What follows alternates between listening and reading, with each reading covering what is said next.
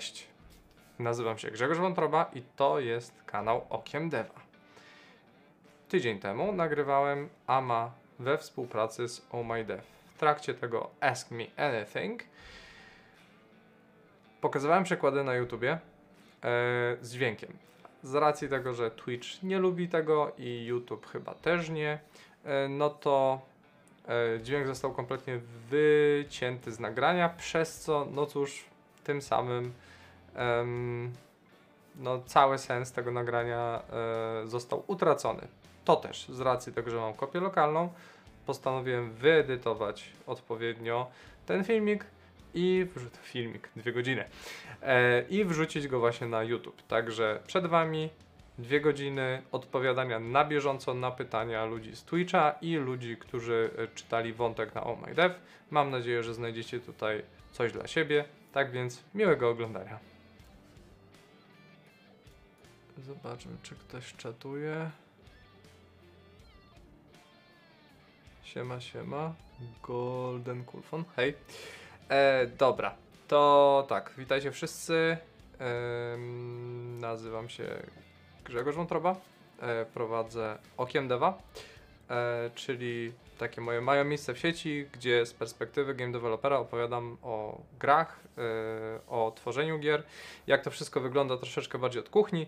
I e, dzisiaj e, razem we współpracy z serwisem Oh My Dev mm, postanowiliśmy zrobić sobie Ask Me Anything, e, w którym odpowiadam na pytania, które były zadawane w serwisie.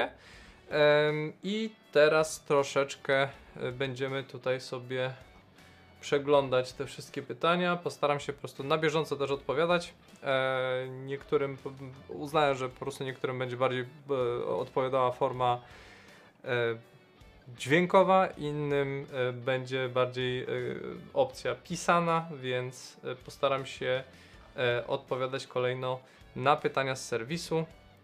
Tutaj właśnie mamy ten wątek, w którym jeszcze możecie zadawać pytania. Oczywiście zawsze możecie też pisać w czatach i postaram się odpowiedzieć na wszystkie Wasze pytania e, w związku z grami, game devem i tak dalej, i tak dalej. Więc e, tutaj przechodzimy w sumie. Aha, jeszcze, żebym nie zapomniał sobie, e, to z racji tego, że e, o, lazy, instanci- lazy instantiation of object pools. Jak najbardziej to chętnie o tym też opowiem, nie ma sprawy. E, W pierwszej kolejności jeszcze, jeżeli y, chcielibyście poczytać, y, posłuchać o grach w moim wykonaniu, to wszystkie strony, do których piszę i wszystkie media społecznościowe, na których zamieszczam rzeczy, znajdują się na stronce okiemdeva.pl i tu możecie sobie zobaczyć. to jest właśnie moja stronka, bardzo prosta, w której możecie sobie po prostu e, sprawdzać po pierwsze mój blog na Medium, niedługo też zacznę wrzucać rzeczy na e, Oh My Dev. E, możecie sobie zobaczyć też i zapisać się do mojego newslettera. E, Następnie, jeżeli chcecie, to również e, nagrywam podcasty i to się znajduje na serwisie Spotify czy też na YouTubie, e, gdzie możecie też oglądać inne materiały w moim wykonaniu. I z racji tego, że aktualnie też mamy sytuację, jaką mamy, jeżeli chodzi o naszych wschodnich sąsiadów, cały czas widzicie nie. Tu, tu, tu, tu, tu, tu, tu, tu.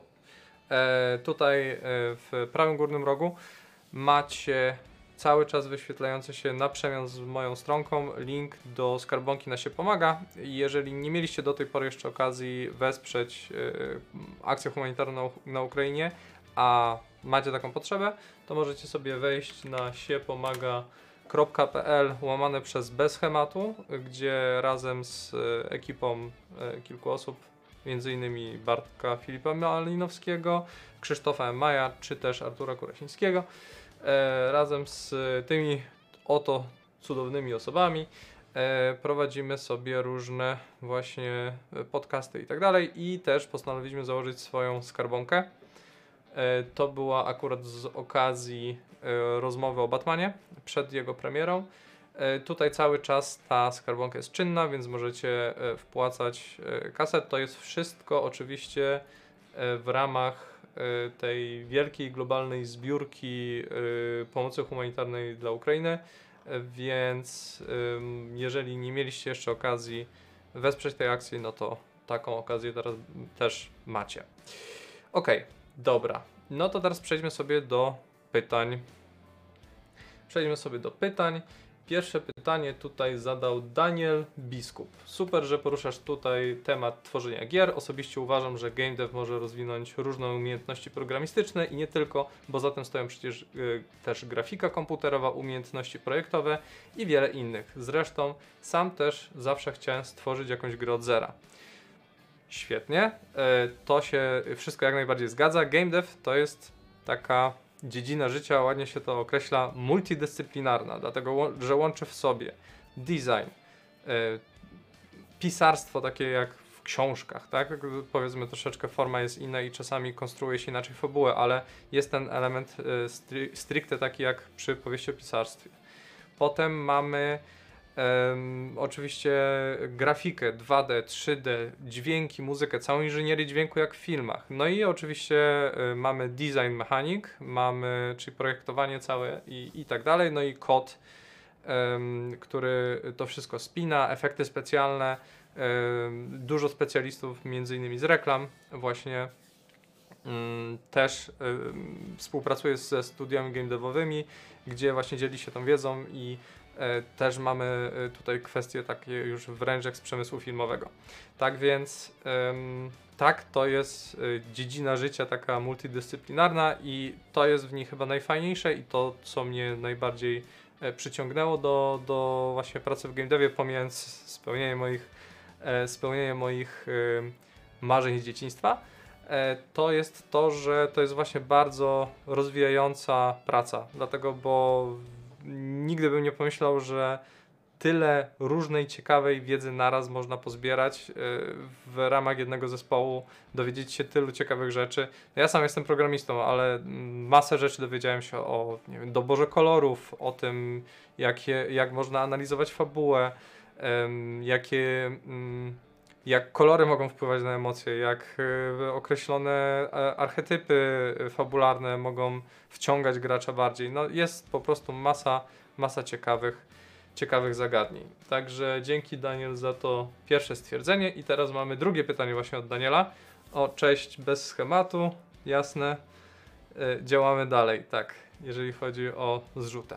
Dobra, Jak oceniasz silnik Kokos? Zrobiłem w nim małe demko gierki, ale to był już kawałek czasu temu.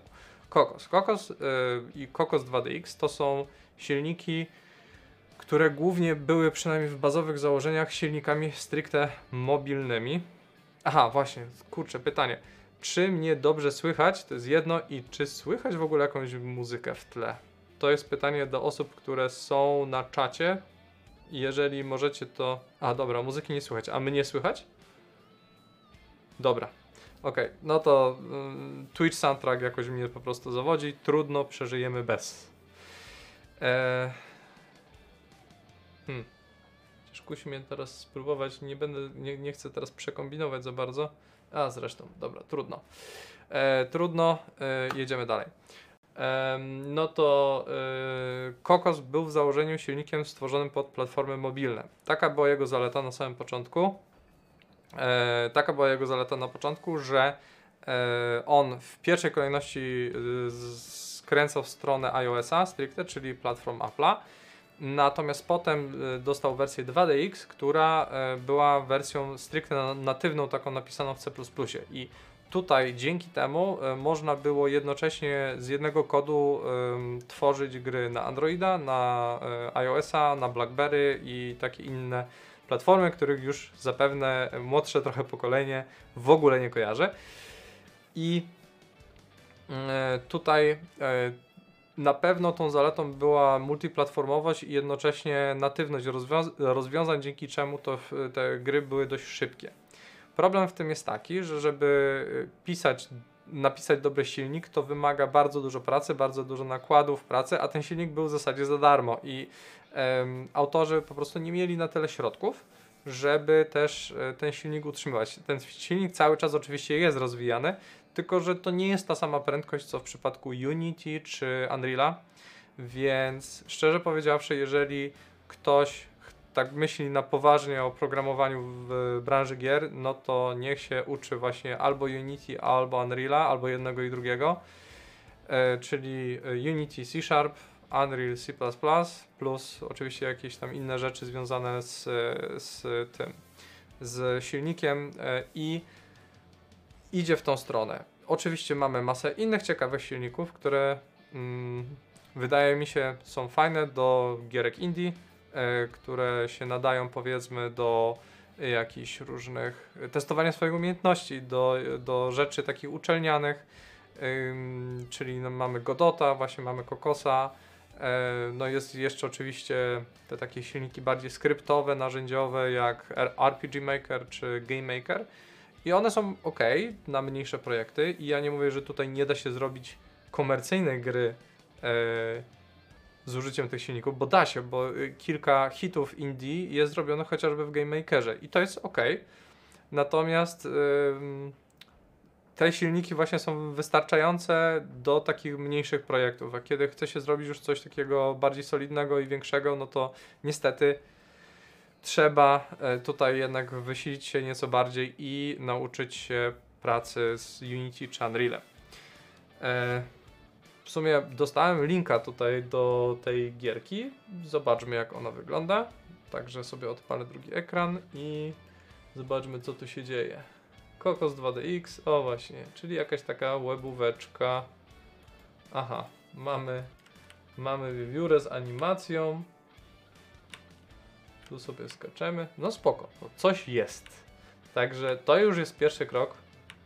Wygląda to oczywiście no, oszczędnie, jasne, no ale działa. Czyli jakiś, e, jakiś początek już mamy. No teraz tylko pozostaje, e, pozostaje oczywiście pozostaje oczywiście to wszystko dopracować, dołożyć dźwięki, no na pewno podwyższyć jakość, e, jakość grafiki i generalnie w momencie, kiedy w momencie, kiedy to wszystko się dopracuje, no to może z tego wyrośnie jakiś taki mały projekcik, e, jakiś mały projekcik, który e, może się nadać na przykład na taki typowy projekt na portfolio, aplikując do, do jakiejś większej firmy. Oczywiście tutaj mm, ja bym polecał w ogóle dla osób, które pla planują zaczynać gdzieś pracę jako programista, e, robić sobie coś do, do szuflady, e, albo nawet nie do szuflady, tylko po prostu robić coś, starać się przejść przez cały proces produkcyjny e, gry. Wziąć sobie chociażby najbardziej hamskiego klona, nie wiem, Flappy Birda e, czy mm, Angry Birds i zaprogramować go po swojemu, użyć jakichś darmowych asetów i spróbować to wypchnąć chociażby na mobilkę, jako mobilkę tam na Google Play'a czy na Itch.io nawet. Wszystko jedno. Ważne, żeby spróbować przejść przez cały ten proces produkcyjny, bo po pierwsze, y, to jest też wartość dodana dla pracodawcy, y, gdzie po prostu widzi, że ktoś zrobił coś um, i jakby zna wszystkie fazy, czyli projektowanie, preprodukcję, samą produkcję i, i utrzymywanie produktu później. E, więc myślę, że e, to jest ta właściwa droga, jeżeli ktoś chce się zaczy, e, zabierać za tworzenie gier, żeby zacząć po prostu jakąś robić i próbować ją gdzieś, nawet na tych serwisach właśnie stricte indykowych wydać. Także tak, Daniel, jeżeli chcesz, chcesz tutaj podjąć, tudzież kontynuować przygodę z tworzeniem gier, no to jak najbardziej idź w tą stronę, e, rozwijaj sobie tą szaloną wiewiórę i e, jedź z tym dalej. Dobra, no to jedźmy z kolejnym pytaniem. Mamy Pawła. Jaki background jest najlepszy w przypadku kariery w game dev? Studia, kursy, może coś innego? Hmm. Tutaj nie ma jednoznacznej odpowiedzi. E, wydaje mi się, że taką podstawową odpowiedzią na większość pytań w branży jest to zależy. No i tutaj, e, jeżeli chodzi o e, jakieś właśnie pierwsze kroki w branży, no to ja, szczerze powiedziawszy, mm, nie jestem znowu bardzo za tym, że trzeba koniecznie iść na studia. E, większość takich naprawdę topowych programistów, których, których znam, nie było na studiach, a ewentualnie zrobiło pierwszy stopień, albo w ogóle właśnie nie, nie, nie, nie studiowało niczego stricte technicznego. I to nie jest absolutny wymóg, żeby, żeby studiować właśnie na przykład informatykę e, po to tylko, by e, mieć kwalifikacje do programowania gier. I tutaj jest, wydaje mi się, takie ogólne pytanie, ale zacznę od, od kwestii programowania. Więc tak. E, studia dają jedną, czy tam dwie, dwie rzeczy, które są absolutnie takie może niezbędne, niezbędne, niezbędne po to też, żeby łatwiej było później w karierze. Jeżeli chodzi o e, programowanie, to na pewno warsztat matematyczny, który nikt przy zdrowych, zmy przy zdrowych zmysłach, przy e, jakby własnej nieprzymuszonej, wolnej woli kładł sobie tyle rzeczy do głowy. Matematyka, zwłaszcza ta uniwersytecka, jest bardzo abstrakcyjna, jest bardzo rozbudowana. E, wiele z tych rzeczy może się w życiu nie przydać, ale zaskakująco dużo w momencie, kiedy pracuje się jako programista, w szczególności jako programista gier, z tych rzeczy się naprawdę przydaje. E, właśnie narzędzia matematyczne, algorytmy i struktury danych, to wszystko w momencie, kiedy no, przejdzie się ten cykl studiów, to już się ma. I ten zasób pozwala znacznie łatwiej budować karierę dalej. W momencie, kiedy się tego nie ma na starcie, nie ma problemu w momencie, kiedy po prostu staje się przed danym problemem, tylko trzeba tą wiedzę na bieżąco uzupełniać, co bywa uciążliwe na dłuższą metę, e, ale e, z racji tego, że mm, idąc po prostu sobie w karierze, stajemy sobie na bieżąco z danymi tematami, no to wtedy po prostu uzupełniamy sobie tą wiedzę o te rzeczy, które są nam faktycznie potrzebne, a nie tłuczemy, tłuczemy się z ilomaś dodatkowymi. Mm, więc studia tak, myślę, ale to nie jest wymóg. Na pewno, na pewno się przydają. Kursy. Tutaj też bywa różnie. No, mamy ileś tych platform z kursami yy, związanymi właśnie też z game developmentem, które yy, no, są, są różnej jakości. Tak? No, mamy na przykład Udemy, gdzie Mm, za w sumie stosunkowo niewielkie pieniądze możemy dostać całkiem solidny zasób wiedzy. No trzeba tylko oczywiście umiejętnie odfiltrowywać te rzeczy, które nam są faktycznie potrzebne i patrzeć na kursy, które są y, wysoko oceniane, są oceniane przez oczywiście dużą liczbę osób. Też trzeba patrzeć na to, czy y, potrzebujemy na przykład tak przepastnego zasobu wiedzy, jaki oferuje kurs za na przykład nie wiem, 200 dolarów, tak? No, czy to jest nam potrzebne? Czasami może tak, czasami może nie, no to trzeba umieć sobie samą dobierać. Na pewno w momencie, kiedy właśnie mamy problem z wyszukiwaniem wiedzy samemu e, w dokumentacji, albo po prostu nie wiemy jak zacząć, albo jeszcze nie weszliśmy w ten taki właśnie tryb poszukiwawczy, który właśnie też często studia są w stanie zbudować, no to wtedy taki kurs to jest też jak najbardziej e, prawidłowa opcja. E, bo wtedy dostajemy po prostu ten zestaw wiedzy na starcie. Zagrożeniem jest oczywiście to, że jeżeli kursy nie są aktualizowane, no wiedza akurat jeżeli chodzi o game, game day, w ogóle technologię, tak pędzi do przodu, że kurs, który powstał dwa lata temu, może być na przykład w połowie już nieaktualny. Tutaj jest właśnie kwestia tego, że zazwyczaj ta matematyka, czyli ta taka najbardziej podstawowa i najstarsza rzecz e, i taka najbardziej mm, właśnie ten, ten e, mm, ta kondensacja absolutna tego, z czego można budować rozwiązania w grach, e, starzeje się najmniej. Dlatego też wiedza ze studiów, jeżeli chodzi o tą teorię, bardzo wolno ulatuje i tak samo też na tych kursach. Jeżeli chodzi o matematykę, no to to najmniej się deaktualizuje. Najbardziej oczywiście się deaktualizują rzeczy związane stricte już na przykład z silnikiem czy z shaderami, bo E, z roku na rok e, zwiększa się wydajność sprzętu, zwiększa się e, liczba technologii i rozwiązań związanych chociażby z kartami graficznymi. Przez to też Przez to też e, wiedza na przykład sprzed dwóch lat może być już przynajmniej częściowo nieaktualna, więc to jest też ryzyko korzystania z takiego kursu. No zawsze oczywiście można po prostu e, no, siąść z dokumentacją, e, przegrzebywać się przez te wszystkie linki z przykładami, szukać sobie rzeczy, na przykład e, w przypadku Unreala, no to jest całkiem rozbudowane fora e, community, jeżeli chodzi o, o właśnie ten silnik i tam też pytać ludzi.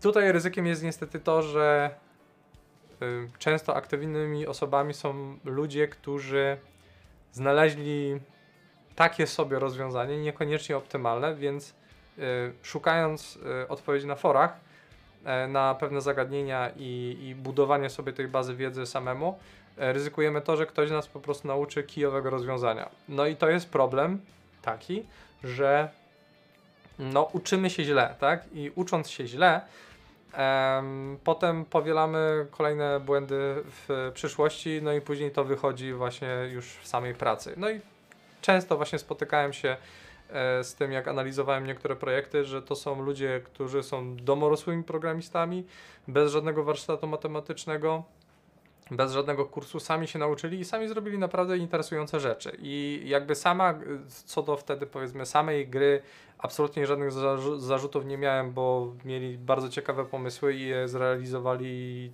To jest najważniejsze w tym wszystkim, ale w momencie, kiedy druga osoba przychodziła z pomocą po to, żeby nie wiem, pomóc to wypchnąć na jakieś inne platformy niż Itch.io, e, które ma bardzo niski próg wejścia, jeżeli chodzi o e, o to, co trzeba uzupełnić, jakie mm, jakby parametry techniczne gra musi spełniać, no to w tym momencie się pojawia problem, bo wychodzą właśnie złe praktyki programistyczne, kod się cię- ciężko czyta, e, w momencie, kiedy trzeba dodać na przykład tłumaczenia, no to się okazuje, że nie ma tam jakiegoś se- sensownego systemu, który pozwoli na e, lokalizację gry do innych języków, więc generalnie nauka teoretyczna, czy przez kursy, czy przez studia, wciąż to nie jest wymóg, natomiast potrafi się przydać. E, Poza tym jest coraz więcej studiów stricte nastawionych na to, żeby się uczyć o grach i jakby fokusować tą wiedzę stricte, e, stricte e, na właśnie mm, tworzenie gier. I mamy chociażby mm, Kiedyś były fakultatywne zajęcia, jeszcze jak się sam uczyłem na UJ, natomiast y, są y, kierunki groznawcze, chociażby na Giechu, gdzie y, mój e, serdeczny komrad Krzysztof M. Maj jest wykładowcą i mm, jego zajęcia no, muszą brzmieć ciekawe, bo to jest człowiek, który e, potrafi rozmawiać o rozmnażaniu ulęgałek i będzie to interesujące. Natomiast e, są na przykład we Wrocławiu jest szkoła, Dolnośląska Szkoła Wyższa, gdzie jest kierunek stricte nastawiony e, na gry i wielu moich znajomych tam prowadzi zajęcia i z tego co widzę, nie dość, że no, sami jeszcze się uczą i rozwijają game devowo, ale już uczą innych i uczą ich w sposób właśnie z racji tego, że zdobywają bardzo szybko bardzo dużo doświadczenia, to przekazują tą wiedzę, wydaje mi się, w naprawdę dobry sposób.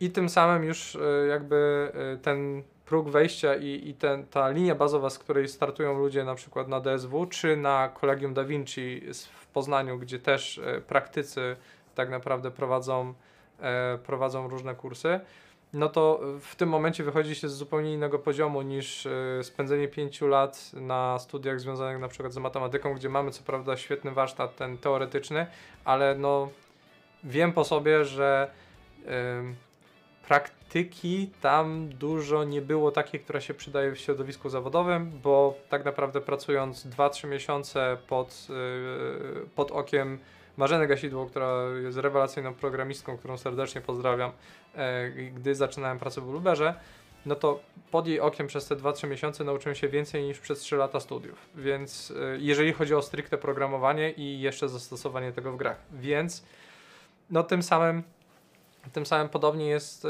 myślę teraz i to się wiele, wiele nie różni dlatego, bo no y, szczerze powiedziawszy, co może powiedzieć co może powiedzieć y, nie wiem, doktorant z fizyki, który prowadzi kurs programowania gier w momencie, kiedy on sam ani jednej nie wypuścił. No to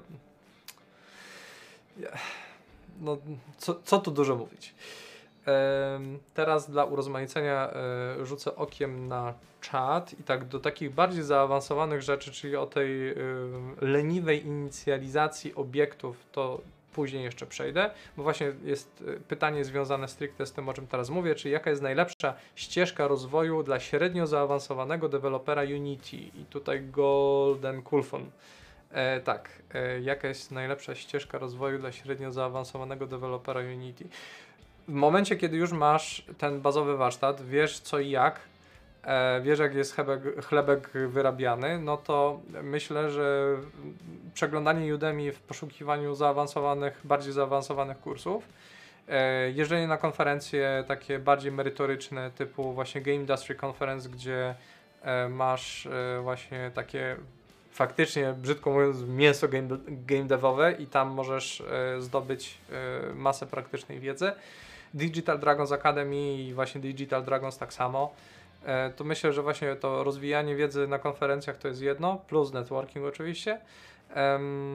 Później, no, myślę, że skoro e, określa się jako średnio zaawansowany, no to też czytanie dokumentacji nie powinno być dla Ciebie problemem, więc e, tym bardziej zagłębianie się właśnie w temat, w który, mm, w który aktualnie potrzebujesz, czy temat, w którym chcesz się rozwinąć myślę, że tutaj jest jak najbardziej uzasadnione, żeby no w tym sobie jakby grzebać, jeżeli chodzi o, e, o e, pojęcia związane e, z grami. Teraz zauważyłem właśnie, że powinienem mieć w sumie do czatu ciemne tło.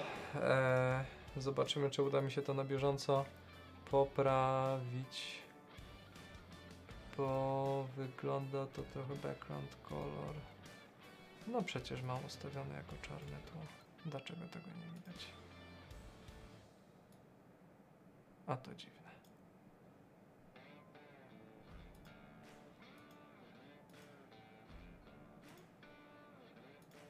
Ha. No nic, dobra. E, więc e, no generalnie dokumentacja, e, dokumentacja, konferencje, SIGGRAPH, e, przeglądaj też, e, to wymaga już troszeczkę więcej, że tak powiem, samozaparcia, bo nie zawsze się to bardzo jakoś wygodnie czyta, ale mm, mamy też, yy, aha, no właśnie, no i konferencje też online, no mamy cały przecież GDC Vault yy, na YouTubie, który jest też źródłem, niesamowitym źródłem, yy, źródłem wiedzy. Natomiast no, mamy jeszcze właśnie i konferencje, i pisma naukowe związane z e, techniką, z e, grami, z, mm, z grafiką komputerową. No i tam mamy po prostu wypuszczane też e, prace naukowe, które normalnie przechodzą przez peer review i tak dalej, i tak dalej. Więc no to już jest taka bardziej hardkorowa wiedza oczywiście, no bo tutaj się rozchodzi o na przykład E, o programowaniu shaderów, czy jakichś określonych efektów związanych z fizyką. No i w tym momencie e, to jest już na tyle hardkorowy e, zestaw wiedzy, który mało kto korzysta tak na takim podstawowym poziomie, natomiast no, wymaga to bardzo dużego warsztatu właśnie teoretycznego i często takie publikacje, jak właśnie na SIGGRAPHie czy GPU Gems, E, są, służą do tego, gdzie mamy na przykład rozpisany cały wzór tego, jak krystalizuje się lód, jak załamuje się światło na pokrywie lodowej, jak, e, jakie czynniki wpływają na to, że się coś oszarania i tak dalej, i tak dalej. No i przez to e, no jest to bardzo interesujące, jeżeli ktoś się tym zajmuje, no i to już jest taki top shelf, jeżeli chodzi o wiedzę, no i to zazwyczaj też tworzą praktycy, no chociażby z Treyarchu, z, e, z Activision, z Naughty Dog i tak dalej, i tak dalej. Także to jest myślę też, też ta droga. Dobrze, to do technikaliów jeszcze dojdziemy, bo widzę, że to są takie tematy związane stricte z Unity i programowaniem i do tego dojdziemy, bo już mamy też kolejne pytanie od Golden Kulfona o ECS-ie i spoko, to też zaraz ruszymy. Teraz e, tutaj mamy jeszcze pytanie e, znowu z serwisu Oh My Dev i mamy od Nanan Batmana. W jakim studio chciałbyś najbardziej pracować i dlaczego? To jest bardzo dobre pytanie. E, aktualnie pracuję w takim studiu, w którym bardzo bym chciał pracować. E, dlatego, bo e, jednocześnie nie jest jakoś bardzo, bardzo duże, bo liczy nas teraz no, do, przekraczamy już ponad 50 osób, więc to jest studio, które ma powiedzmy solidne siły przerobowe, ale jednocześnie nie jesteśmy taką mróweczką wtedy, która nie ma finalnego wpływu na, na produkt, tak? E, na, na gry, które robimy. No bo tak jak mamy na przykład teraz sytuację chociażby z dyrektorem kreatywnym z Massive Entertainment, który Massive jest szwedzkim oddziałem Ubisoftu, aktualnie w sensie był wykupiony. I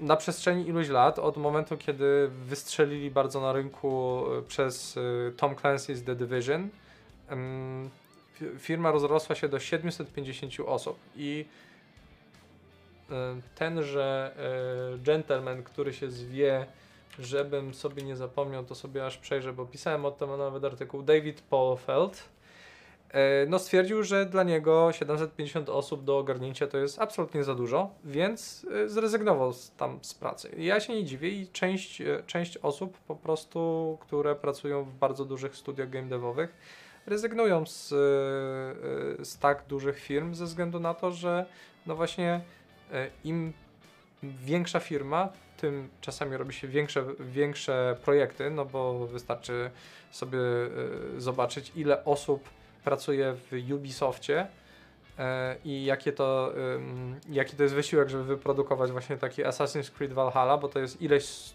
studiów tak naprawdę rozrzuconych na całej ziemi, e, które razem tworzą ileś tysięcy pracowników, którzy tworzą jeden produ produkt przez e, kilka lat.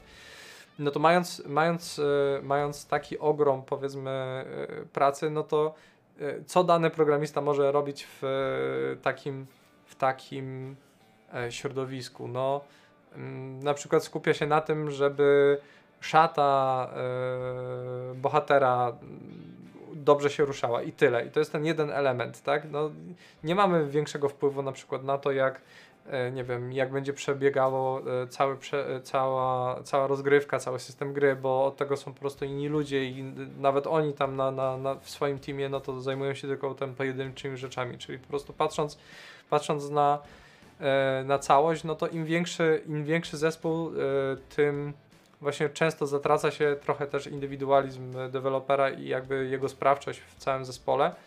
Więc no ciężko, ciężko wtedy też e, chcieć pracować, mi się wydaje, w takim studiu. No mi by trochę było e, jakby nie czułbym tego za bardzo. Być może bym poszedł właśnie po to, żeby przejechać te 2-3 lata 2-3 lata e, przy jakimś Assassin's Creedzie, bo to fajnie wygląda w portfolio, ale poza tym jakby to nie widziałbym siebie tam w firmie na lata. E, dlatego nie wiem, jeżeli miałbym wybrać jakąś firmę w Stanach, to może ten główny team Rocksteady, e, bo tam są naprawdę solidni deweloperzy, e, którzy znają się na rzeczy. Nie są jakoś bardzo nadmuchaną firmą, no i Batmany były fajne, w sensie te, te z głównej linii, nie Origins, bo Origins zrobił jakiś inny oddział, ale no właśnie myślę, że tego typu, tego typu rozmiar zespołu i e, tego typu team to byłaby ewentualnie jakaś taka też ciekawa opcja. No ale no właśnie w tym miejscu, gdzie jestem, czyli jestem teraz lead programerem w Wolf Theory, no to to jest taka chyba dla mnie najciekawsza, e, najciekawsza aktualnie decyzja za, zawodowa i najlepsza do tej pory, bo robimy, wydaje mi się, naprawdę rewelacyjny projekt. E, każdy członek teamu ma duży wpływ na to, jak wygląda ostatecznie ta gra, więc mm, myślę, że w tym miejscu, gdzie jestem, to jest aktualnie mój najlepszy wybór.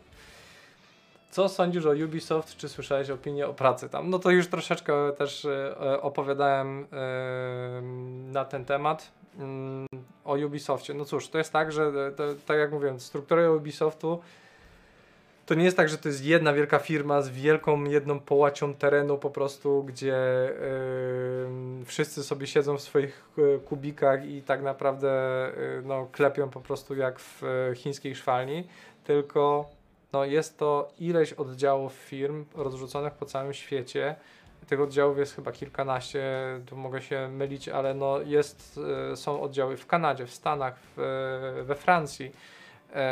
I każde, każda firma, co prawda, pewnie mają jakiś wspólny standard, natomiast e, pewnie każdy oddział troszeczkę się rządzi swoimi prawami. Niektórzy znajomi, czy osoby, które znam powiedzmy z branży, e, albo tam pracowali, albo pracują i jakoś szczególnie nie narzekają. No to jest kwestia tylko tego właśnie mm, bardziej e, tutaj, e, jeżeli chodzi o pytanie właśnie Nana Batmana, na czym ci zależy, jeżeli chodzi o e, pytanie o ten Ubisoft? Czy po prostu zastanawiasz się nad aplikacją tam i się zastanawiasz, czy będzie ci tam dobrze?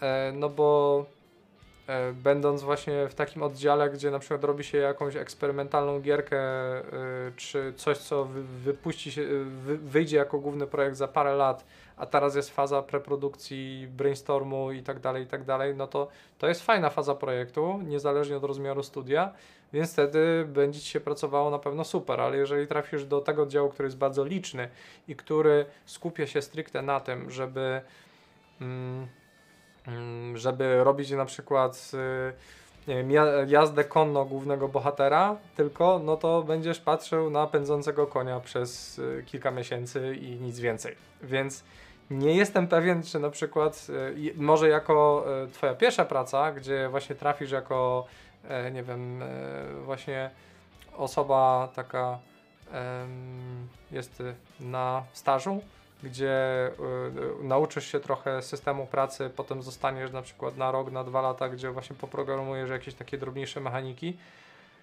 no to wtedy zobaczysz, czy, czy to jest dla ciebie. No i czy słyszałem opinię o pracy tam? No patrząc na to, że w niektórych oddziałach były jakieś zaskarżenia i faktycznie udowodniono mm, różne niecne zachowania na tle seksualnym, no to Niektórym tam na pewno dobrze się nie pracuje. No to jest kwestia, y, warto sobie zobaczyć po prostu, myślę, y, taką, takim podstawowym wyznacznikiem tego, czy y, to jest firma dla Ciebie, bądź co może budzić Twoje obawy, no to jest serwis Glassdoor, gdzie pracownicy zamieszczają, zamieszczają oceny, no i trzeba sobie to wtedy wziąć na, na poprawkę na, na rozmiar firmy, bo zazwyczaj na Glassdoorze ludzie oceniają ci, którzy odchodzili z firmy i bywają niezadowoleni. Więc bardziej to jest wyznacznik tego, jak źle jest w firmie. Więc jeżeli na przykład poczytasz sobie informacje o firmie, która zatrudnia 300 pracowników, gdzie połowa z nich narzeka, że kiepsko płacą, że szef to jest y, jakaś wredna pała, że nie ma szacunku dla pracownika, bądź są jakieś rzeczy właśnie związane z E, no, złym traktowaniu ze względu na, na pochodzenie, na rasę, na, na seksualność i tak dalej, no to w tym momencie no, myślę, że nie warto się pchać do takiej firmy. E, ale w momencie, kiedy, nie wiem, jest 1% niezadowolonych pracowników, z, gdzie na przykład te uwagi były ileś lat temu, bo tak było ostatnio wyszło w przypadku From Software, że odkryto 20 parę negatywnych opinii o firmie, e, gdzie te negatywne, te negatywne komentarze były sprzed ponad 10 lat. No to w tym momencie, jeżeli sobie weźmiemy poprawkę na to, jak dana firma mogła działać te 10 lat temu mm, i wtedy właśnie ludzie narzekali na, na warunki, a te kolej, w kolejnych latach, w kolejnych latach już te oceny były znacznie lepsze, no to no właśnie to umiejętne korzystanie z informacji i nie branie wszystko po prostu tak na, na, na pałę statystycznie y, jest tutaj wskazane, myślę. Tak więc, no co, co ja słyszałem stricte o Ubisoftie? Od osób, które po prostu poszły świadomie do firmy, wiedziały na co liczyły um, i trafili jeszcze do akurat mniejszych oddziałów, z tego co się orientuję, no to są zadowoleni. Więc tyle mogę powiedzieć. Sam nie pracowałem, sam aplikowałem e, kiedyś właśnie do jakiegoś oddziału silnikowego w Toronto, no to chyba wysypałem się na trzecim poziomie, e, trzecim poziomie testów merytorycznych, że już nie, uzyskałem odpowiedniej liczby punktów, ale to już było też parę lat wstecz. E, powiedzmy, brakowało mi sensownego warsztatu akurat, żeby też tam się zakwalifikować. No. Dobra. E, to teraz przejdźmy znowu do pytania z Twitcha, czyli odpowiedzmy w końcu na pytania Golden Kulfona. Jeżeli chodzi, no stawiam, że Unity, em, Lazy Instantiation of Object Pools. No to jest technika, która em, zakłada, bo mamy, e, mamy coś takiego, że e, e, jest powiedzmy mm, wzorzec projektowy, czy też wzorzec architektoniczny, który zakłada to, że y, zamiast tworzyć obiekty w trakcie wykonania gry, gdzie alokowanie nowej pamięci y, sprawia, że nagle gra nam chrupie, jest zalecanym, że w momencie, kiedy mamy dużo powtarzalnych elementów, albo takich, gdzie nałożenie na to y, określonych efektów jest już tańsze, jest zalecane tak zwane pulowanie obiektów. Tworzenie object poolu to jest tak naprawdę stworzenie tych obiektów w trakcie ładowania na przykład levelu i potem e, w momencie, kiedy pojawiają się dane jednostki na ekranie, e, no to je jakby ustawiamy w tym momencie, a nie tworzymy e, do pamięci cały czas na nowo. Czyli jakby tworzymy taki recykling, recykling postaci, przez co bardzo oszczędzamy na samych operacjach pamięciowych, bo trzeba e, cały czas mieć na uwadze, że stworzenie nowego obiektu w pamięci kosztuje czas i procesora, i dostępu do pamięci. E, następnie w momencie, kiedy tworzy się często obiekty w trakcie wykonania, w trakcie wykonania gry, no to potem em, jest taki jest taki mechanizm, który się nazywa garbage collector, który właśnie niepotrzebne obiekty sprząta z pamięci. Garbage collector zazwyczaj i działa na takiej zasadzie, że jak znajduje jakieś śmieci, to zatrzymuje kompletnie wykonanie e, gry, po to tylko, żeby posprzątać te śmieci i poukładać pamięć na nowo. No i tym samym e, to powoduje właśnie nieprzyjemne chrupnięcia w trakcie rozgrywki. Więc żeby tego nie było, po to się puluje obiekty, czyli właśnie y, spawnuje się je na samym początku i potem tylko ustawia bądź chowa w zależności od potrzeb. No i teraz jest problem taki, że jeżeli to wszystko robimy naraz na samym początku gry, no to naraz właśnie zajmujemy ten czas potrzebny na to, żeby zapełnić tą pamięć. I jest mechanizm, który już jest stosowany jakiś czas, ja go bardzo lubię, bo też go często stosuję. To jest właśnie leniwa inicjalizacja. Leniwa inicjalizacja polega na tym, żeby w momencie, kiedy już wiemy, że będziemy korzystać z tej puli, wiemy, że będziemy zapychać pamięć przez jakiś czas, e, w trakcie zapychania właśnie puli obiektów mierzymy, ile nam czasu zajmuje tworzenie tych obiektów w danej klatce e, renderowania. I jeżeli wiemy, że e, ten start, właśnie e, to zapychanie pamięci może spowodować chrupnięcie bardzo mocne gry, no to odkładamy resztę pracy na kolejne klatki. Bo trzeba pamiętać, że żeby mieć grę w 60 fps, no to czas obsługi danej klatki y, gry, y, jednej, jednej ramki gry, no to to jest 16,6 milisekund. To jest bardzo mało czasu, zwłaszcza, że ponad połowa często potrafi być zażarta przez y, samo wyświetlanie rzeczy. Więc przyjmijmy, że mamy poniżej 10 milisekund na to, żeby wyliczyć wszystko, co się aktualnie znajduje na ekranie. To nie jest dużo, więc trzeba myśleć o tym, jak to y, umiejętnie robić. No i y, sam start znowu, y, z racji tego, że no y, nie chcemy też tego. Tak, czy jest to przydatne w przypadku streamowania terenu? W ogóle streamowanie to jest jeszcze troszeczkę inna technika, ale też mi się wydaje, że można z tego korzystać jak najbardziej. No i istotą tutaj jest to, że właśnie w momencie, kiedy zapychamy tą pamięć, to żeby mierzyć sobie ten czas, y, czy przekraczamy nasz budżet czasowy na obliczenia. I jak wiemy, że przekraczamy, to mówimy OK, to tyle teraz, w następnej klatce zrobimy resztę. Często to jest bardzo taki y, proces niezauważalny w ogóle przez zapotrzebowanie gry, ze względu na to, że rzadko kiedy y, jest tak, że na samym początku wykonania gry od razu już potrzebujemy wszystkie jednostki, które znajdują się w puli obiektów. Więc tym samym możemy sobie to po prostu porozkładać w czasie i dzięki temu sam start gry E, niezależnie w ogóle od silnika, niezależnie od tego, czy korzystamy z Unity, czy z Unreal'a, czy z jakiegoś wewnętrznego silnika, tą technikę możemy w jakiś sposób utylizować, wykorzystać i tym samym e, czerpać korzyść z tego taką, że raz, że w trakcie już samej gry nie będziemy musieli instancjonować tych rzeczy i będziemy mieli szybszą rozgrywkę, a jednocześnie sam start będzie znacznie płynniejszy, bo nie będziemy mieli tego takiego chrupnięcia na samym starcie. Także ja bardzo polecam, bardzo propsuję e, Lazy Instantiation e, Rules, tak, ECS. ECS, czyli Entity Component System, to jest też wzorzec architektoniczny i on jest też niezależny od silnika, chociaż e, Unity ma taką przewagę, że on to już jest wspierane teraz jakby od stricte autorów silnika. To jest tak zwany Unity DOTS, czyli Data Oriented Technology Stack.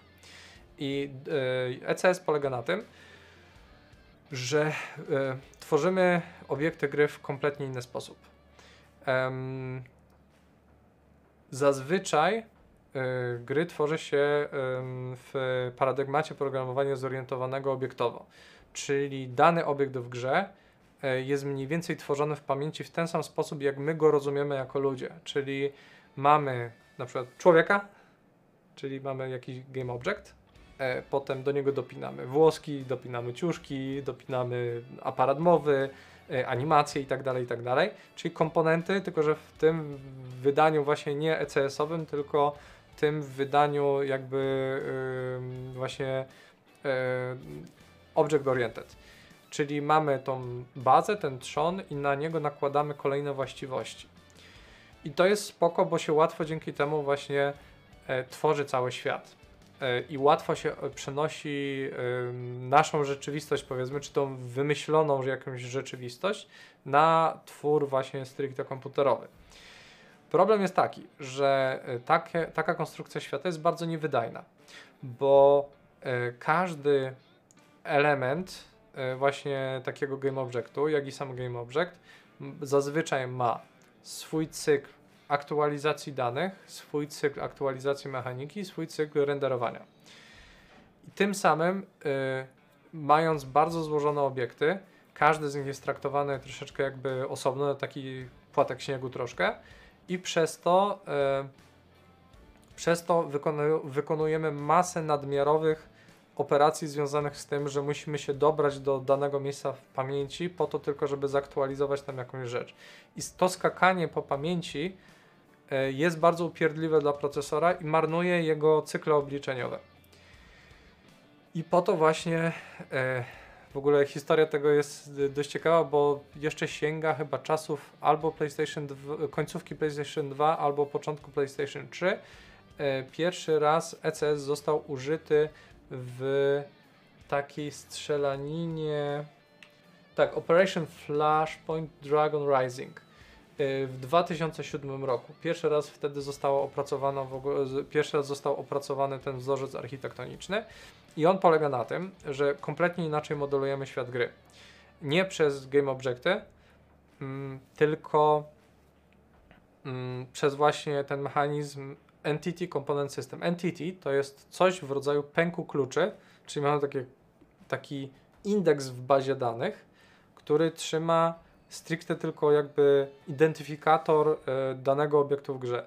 Komponent z kolei to nie jest taki komponent jak w przypadku jak w przypadku tym y, Object Oriented, gdzie to jest zestaw jakichś całych właściwości, które my widzimy, tylko komponent tam to jest pojedyncza właściwość, czyli na przykład po, pozycja to jest osobny komponent, prędkość to jest po, e, wartość prędkości to jest osobny komponent, wartość obrotu to jest osobny komponent i tak dalej, i tak dalej. Czyli tam rozbijamy właściwości obiektu na takie absolutnie atomy.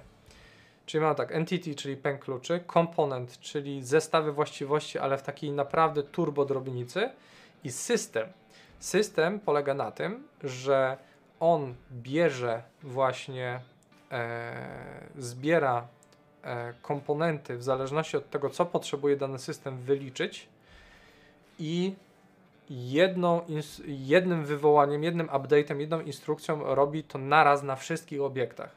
Dzięki czemu e, z racji tego, że te pęki kluczy i te komponenty są ułożone obok siebie w pamięci, to możemy to zrobić znacznie szybciej niż ganiać po iluś miejscach w pamięci po to, żeby zupdate'ować każdy z nich. Czyli tutaj mamy takie e, te, tu jakby jesteśmy zorientowani na dane, stąd właśnie Data Oriented e, Technology Stack od Unity. E, ok, to tutaj e, za chwileczkę odpowiem i na kolejne pytania. Cześć pa... Paput? Cześć Paput. Dobra, no to idąc jeszcze, idąc jeszcze w ten ECS. Więc mamy tak, że z racji tego, że te wszystkie właściwości są obok siebie, no to e, wykorzystujemy coś takiego jak prefetching pamięci e, procesora. Na pewno słyszeliście, jak kupo jeżeli kupowaliście kiedyś sprzęt, albo słyszeliście gdzieś jakieś oceny sprzętu, jeżeli chodzi o procesory, że mamy pamięć cache L0, L1, L2, L3. E, teraz nie wiem, czy L4 też nie wchodzi, czy już jest. E, I mamy, to są takie małe obszary pamięci przy procesorze, które są o bardzo, bardzo szybkim dostępie. E, I w momencie, kiedy wchodzimy w jakiś obszar pamięci, to od razu y, kolejne bloki w tej pamięci są prefeczowane, tak? Czyli wstępnie są ładowane już do pamięci procesora po to, że procesor zakłada, że te bloczki obok już będą mi za chwilę potrzebne. Wykorzystując ten mechanizm, w momencie, kiedy właśnie y, korzystamy z ECS-a, gdzie mamy kolejne komponenty zaraz obok siebie ułożone w pamięci, czyli E, mając, nie wiem, tysiąc, tysiąc entities, e, każde ma z nich pozycję, prędkość i tak dalej i y, właśnie te, ta pozycja, prędkość i tak dalej nie są przyklejone stricte do obiektu, tylko one są ułożone w tablicach obok siebie. Dzięki temu w momencie, kiedy na przykład chcemy zaktualizować pozycję, e, pozycję danego obiektu, który jest e, pisany w paradygmacie ECS-owym, to bierzemy dany element, dany element, dan, daną wiedzę o pozycji i wszystkie inne pozycje obok, które są nam potrzebne i dzięki temu jak aktualizujemy, e, aktualizujemy i chcemy obliczać kolejne pozycje obiektów, to robimy to znacznie szybciej niż jakbyśmy mieli skakać w pamięci do każdego obiektu osobno. Dodatkowo, dodatkowo jeszcze mamy coś takiego e, jak rejestry procesora. I w rejestrze procesora jest coś takiego, że mam, możemy zmieścić ileś instrukcji naraz, w zależności od tego, jak duże, na, na jak dużych obiektach y, pracujemy. Bo jeżeli pracujemy, e, jeżeli pracujemy, no, bo, bo e, rejestry są na przykład 64, 128, 256 bitowe. Czyli znaczy, że w jednym cyklu procesora zmieścimy określoną liczbę danych. I często jest tak, że pracując w trybie Object Oriented, niezależnie od tego, ile tych danych moglibyśmy zmieścić, zawsze korzystamy tylko tyle, ile po prostu mamy w danym momencie pamięci, czyli zazwyczaj robimy tylko jedną instrukcję. W momencie, kiedy piszemy w paradygmacie Data Oriented, często jesteśmy w stanie zmieścić naraz ileś instrukcji, żeby jednym cyklem procesora coś wyliczyć. Więc średnio, powiedzmy, przyjmując y, dzisiejsze standardy procesorów, zamiast w jednym cyklu przy tym Object Oriented Programmingu z, zrobić update jednej pozycji, a potem zmarnować ileś cyklów, żeby przeskoczyć pamięci do kolejnego, to my w jednym cyklu jesteśmy w stanie na przykład wyliczyć cztery pozycje naraz.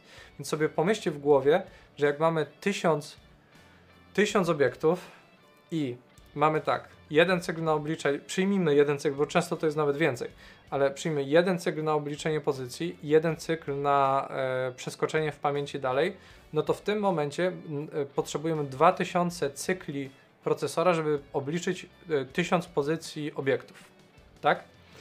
A w momencie, kiedy robimy to na Data Oriented Stack, to w tym momencie jesteśmy na przykład w stanie wyliczyć 4, e, 4 e, pozycje naraz, tak? Czyli w jednym cyklu, więc i nie musimy przeskakiwać nigdzie dalej. Więc tym samym jesteśmy w stanie zamiast w 2000 cykli wyliczyć 1000 pozycji yy, obiektów, to jesteśmy w stanie to zrobić w 250 cykli. No to sobie po, policzcie, że to jest 8 razy szybciej bezpośrednio, tak za przeproszeniem w pysk, 8 razy szybciej już tylko z tego powodu, a dodatkowo bonus, Jeżeli mamy tak poukładane dane, to jeszcze możemy to robić wielowątkowo. Więc to jest już w ogóle kompletnie nowy poziom. Więc generalnie wydaje mi się, że ECS jako w ogóle założenie architektoniczne to jest absolutna przyszłość, tylko że ludzie muszą zmienić, no, programiści głównie będą musieli zmienić myślenie o tym, jak konstruuje się obiekty w świecie. No i Unity bardzo ułatwia to. E, oczywiście to w ogóle ma sens tylko wtedy, kiedy mamy dużo powtarzających się cech obiektów w świecie, bo inaczej mm, nie jest to cały ten narzut początkowy, jakby ilość pracy, którą trzeba włożyć, żeby to odpowiednio poukładać, być może być nieopłacalne. Jeżeli mamy tak naprawdę e, cztery postacie na ekranie i robimy klona Mario, no to w tym momencie nie będziemy potrzebowali jakby tak złożonego systemu, ale jak robimy strategię czasu rzeczywistego, gdzie mamy tysiące jednostek na ekranie, które zazwyczaj są w dużych grupach czy w grupach cech do siebie podobne, no to niekorzystanie z ECS-a jest dla mnie tylko objawem takiego trochę lenistwa, albo, no, albo musimy mieć bardzo dużo różnych e, problemów e, z e, ogarnięciem sobie technologii, żeby z tego nie korzystać, bo to jest jak najbardziej dla mnie absolutnie mus, jeżeli chcemy e, mieć wydajną grę. Także bardzo polecam zagłębiać się w temat, jeżeli ktoś lubi optymalizację, no akurat ja lubię, więc e, to jest mój konik i e, jak najbardziej polecam e, polecam badać temat. No jeszcze jakiś czas temu, bo ja o ECS-ie w Unity mówię od 2018 roku, no to 4 lata temu to jeszcze było takie nie do produkcji za bardzo. Teraz już można to spokojnie wykorzystywać i z tego co widzę, już niektóre studia z tego korzystają i to bardzo ładnie śmiga. Zresztą dużo elementów w silniku Unreala ma cechy właśnie ECS-owe, w sensie na przykład system animacji w momencie, kiedy się korzysta z określonych technologii typu e, Anim Instance, Anim Instance Proxy, mm, to ma właśnie takie cechy data oriented. E, o tym w ogóle będę robił wykład niedługo na Fordevie i potem na Digital Dragons, przynajmniej ta część właśnie data oriented będzie częścią, e, częścią tego e, wykładu e, traktującego o optymalizacji animacji właśnie w momencie, kiedy mamy bardzo dużo animowanych, animowanych jednostek, więc zapraszam serdecznie na, na wykłady. Możecie sobie znaleźć linki do tych wykładów u mnie na, na profilu po prostu na Facebooku, ewentualnie na Okiem Deva też wyrzuciłem linki i na Twitterze i na Facebooku, więc e, zachęcam. E, no i pewnie za jakiś czas będą też e, te nagrania udostępniane w sieci, więc za parę miesięcy pewnie też będziecie mogli z tego skorzystać po prostu za darmo na YouTubie. Także to wasza wola, ale polecam zainteresować się tematem. Dobra, teraz wracamy do do najpierw jeszcze do OMIDEVA. Tak, teraz przeskoczymy na chwilę do OMIDEVA, bo się nagadałem o rzeczach stricte technicznych. Więc zobaczmy tutaj pytanie od serdecznego mojego przyjaciela Bartosza. Grzegorz, jak uważasz, że obecny kryzys migracyjny i napływ sąsiadów ze wschodu wpłynie długo, długofalowo na naszą rodzinną branżę? Już teraz wpływa, dlatego, bo mamy masę specjalistów, e, którzy przybywają do naszego kraju, e, szukając schronienia, azylu dla siebie, dla rodziny i to są osoby, które często. Mm, nie, to znaczy, to oczywiście to jest kwestia indywidualna, ale no niektórzy, y, niektórzy y, przyjezdni tutaj dotknięci horrorem wojny, no to być może przez dłuższy czas jeszcze będą wyjęci w ogóle z y, trybu zawodowego. Natomiast część ludzi też po prostu raz, że ma takie poczucie, że no chcą być, chcą być produktywni, Inni z kolei jako forma po prostu radzenia sobie z tymi trudnościami po prostu chcą wrzucić się w wir pracy. Stąd y, wielu specjalistów y, przybyło do Polski i już y, znajduje zatrudnienie w naszej branży. Z tego co widziałem, bo są różne grupy czy bazy danych już specjalistów, którzy są gotowi do pracy, no to widziałem ostatnio, że to tak sięga prawie tysiąca osób więc e, no, jest sporo, jest sporo specjalistów, którzy e, chętnie się najmą do, do, do właśnie jako, tam mam dużo animatorów, e, grafików, trochę programistów, więc no to jest na pewno to jest na pewno sposobność taka, żeby pomóc komuś stanąć na nogi, zorientować się w nowej rzeczywistości, a jednocześnie to jest korzyść dla, dla naszej branży, dlatego bo u nas rynek jest bardzo niedotrudniony, w sensie nam bardzo e, brakuje e, rąk do pracy. E, I to praktycznie w każdym dziale. Oczywiście, no, jeżeli chodzi o grafików, to z tym bywa różnie, bo tutaj często chętniej szuka się określonych specjalistów, już na przykład, nie wiem, animatorów spina, co też tak po pierwsze nie jest tanie, po drugie nie jest bardzo nie jest bardzo popularnym e, narzędziem, natomiast jest bardzo potrzebnym narzędziem i w tym momencie, jeżeli znajdzie się taki animator spina, to z miejsca w zasadzie dostanie, e, otrzyma zatrudnienie. Tak samo programistów to dosłownie no teraz aktualnie jeżeli znajdzie się programista Unreala e, gdzieś, to jest, y, no, nie pobędzie sobie, nie pobędzie sobie bezrobotny bez, y, nie wiem, przez y, co najwyżej 5 minut. Autentycznie w momencie, kiedy pojawia się jakiś programista na rynku, no to łapie się go z miejsca. Tutaj widzę właśnie komentarz od Paputa, to chyba większość firm szuka jak jest coś technicznego, programiści technika, ale ostatnio level designerów braki mocy. No dokładnie, tak. Więc generalnie aktualna sytuacja, jakby to źle nie brzmiało, no to nasza branża może trochę na tym skorzystać. E, a jednocześnie może po prostu nasza branża pomóc e, ludziom, którzy przybywają z Ukrainy, więc to jest jakaś taka obopólna korzyść tutaj. No i potem już w momencie, kiedy ten kryzys minie, pewnie część osób będzie chciała wrócić do swoich domów, czy zabrać się za odbudowę swojego kraju.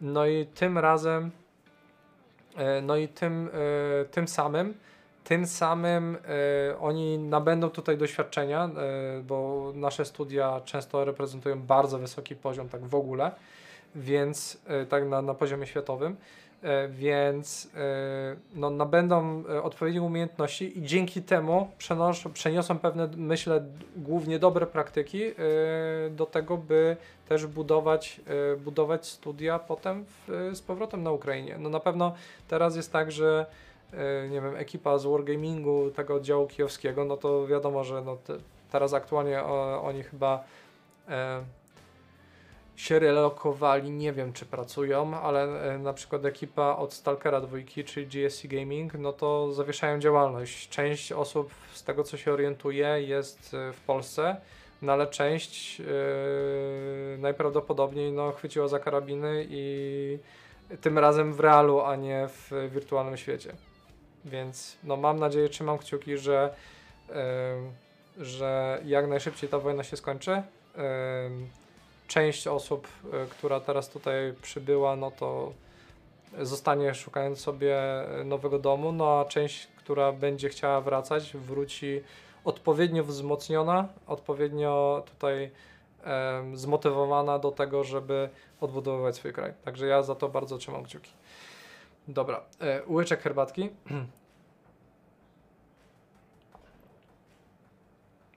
I w sumie mamy. E, tutaj będą kolejne pytania. E, tak stricte do mnie, e, to też za chwilę od Golden Kulfona, jak wyglądał Twój proces przechodzenia z C, Sharp Unity do C++ i wyzwania jako deva. To, to za chwilkę, bo jeszcze jest jedno pytanie na OMyDevie, które dobrze w sumie się wpisuje to, o czym już troszeczkę wspominałem, czyli czy Polska jest faktycznie taką potęgą w game devie, jak lubi się mówić. To jest tak. Polacy ze względu na to, że jednak dużo mm, du, wielu Polaków ma jakiś tam właśnie odpowiedni warsztat teoretyczny e, mimo wszystko, ale też e, no mamy tą ułańską fantazję powiedzmy, yy, więc łączymy trochę i tą wiedzę uniwersytecką i odpowiedni, odpowiednią dozę kreatywności. Przez, no i też jakby w ogóle cykl ten nauczania obowiązkowy, czyli od podstawówki po liceum, mimo wszystko jeszcze reprezentuje w miarę wysoki poziom. Więc tym bardziej jakby um, mamy pewne cechy, które są u nas, y, jakby ten system nasz edukacji nie był skrzywiony, o czym też mówi na przykład Krzysztof Maj, polecam jego kanały sobie obczaić, yy, czy też yy, podcast Bardosza Filipa Malinowskiego o edukacji chociażby, czy o wielu innych tematach, no ale właśnie mimo tego systemu jakoś jednak u nas ludzie, którzy potem trafiają do game devu, są nasiąknięci, y, myślę, całkiem niezłym właśnie tym aparatem matematycznym, czy, czy kreatywnym myśleniem, czy, czy y, chociażby kombinowaniem i szukaniem wiedzy i, i kreatywnym jej wykorzystaniem, że no to wszystko procentuje później. E, no i jesteśmy, wydaje mi się, bardzo doceniani y, za granicą, też jako pracownicy, no ale też to, co robimy u nas w kraju, e, reprezentuje bardzo wysoki poziom no to wiadomo, że praktycznie w momencie, kiedy się mówi kompletnemu laikowi, że robię w grach, to się pierwsze co to zapytają, czy, czy pracowaliśmy przy Wiedźminie na przykład, tak? No ale to e, cóż, to, to jest już kwestia jakby popkulturowa, tak? No ale generalnie e, pomijając e, nawet powiedzmy PR-owe flopy i, i takie inne rzeczy, no to nasze gry i nasza branża tutaj rodzima, która liczy już wydaje mi się ponad 10 tysięcy ludzi, chyba tak.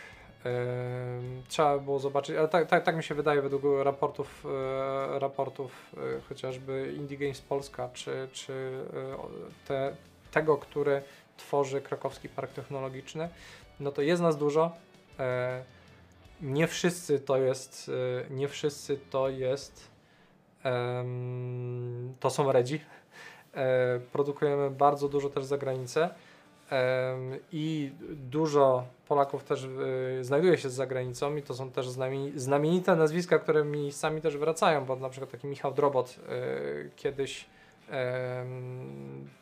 gdy wyjechał do Stanów, no, pracował y, dla e, Infinity Ward, ale potem przy, przywiózł ten Infinity Ward do Krakowa z powrotem.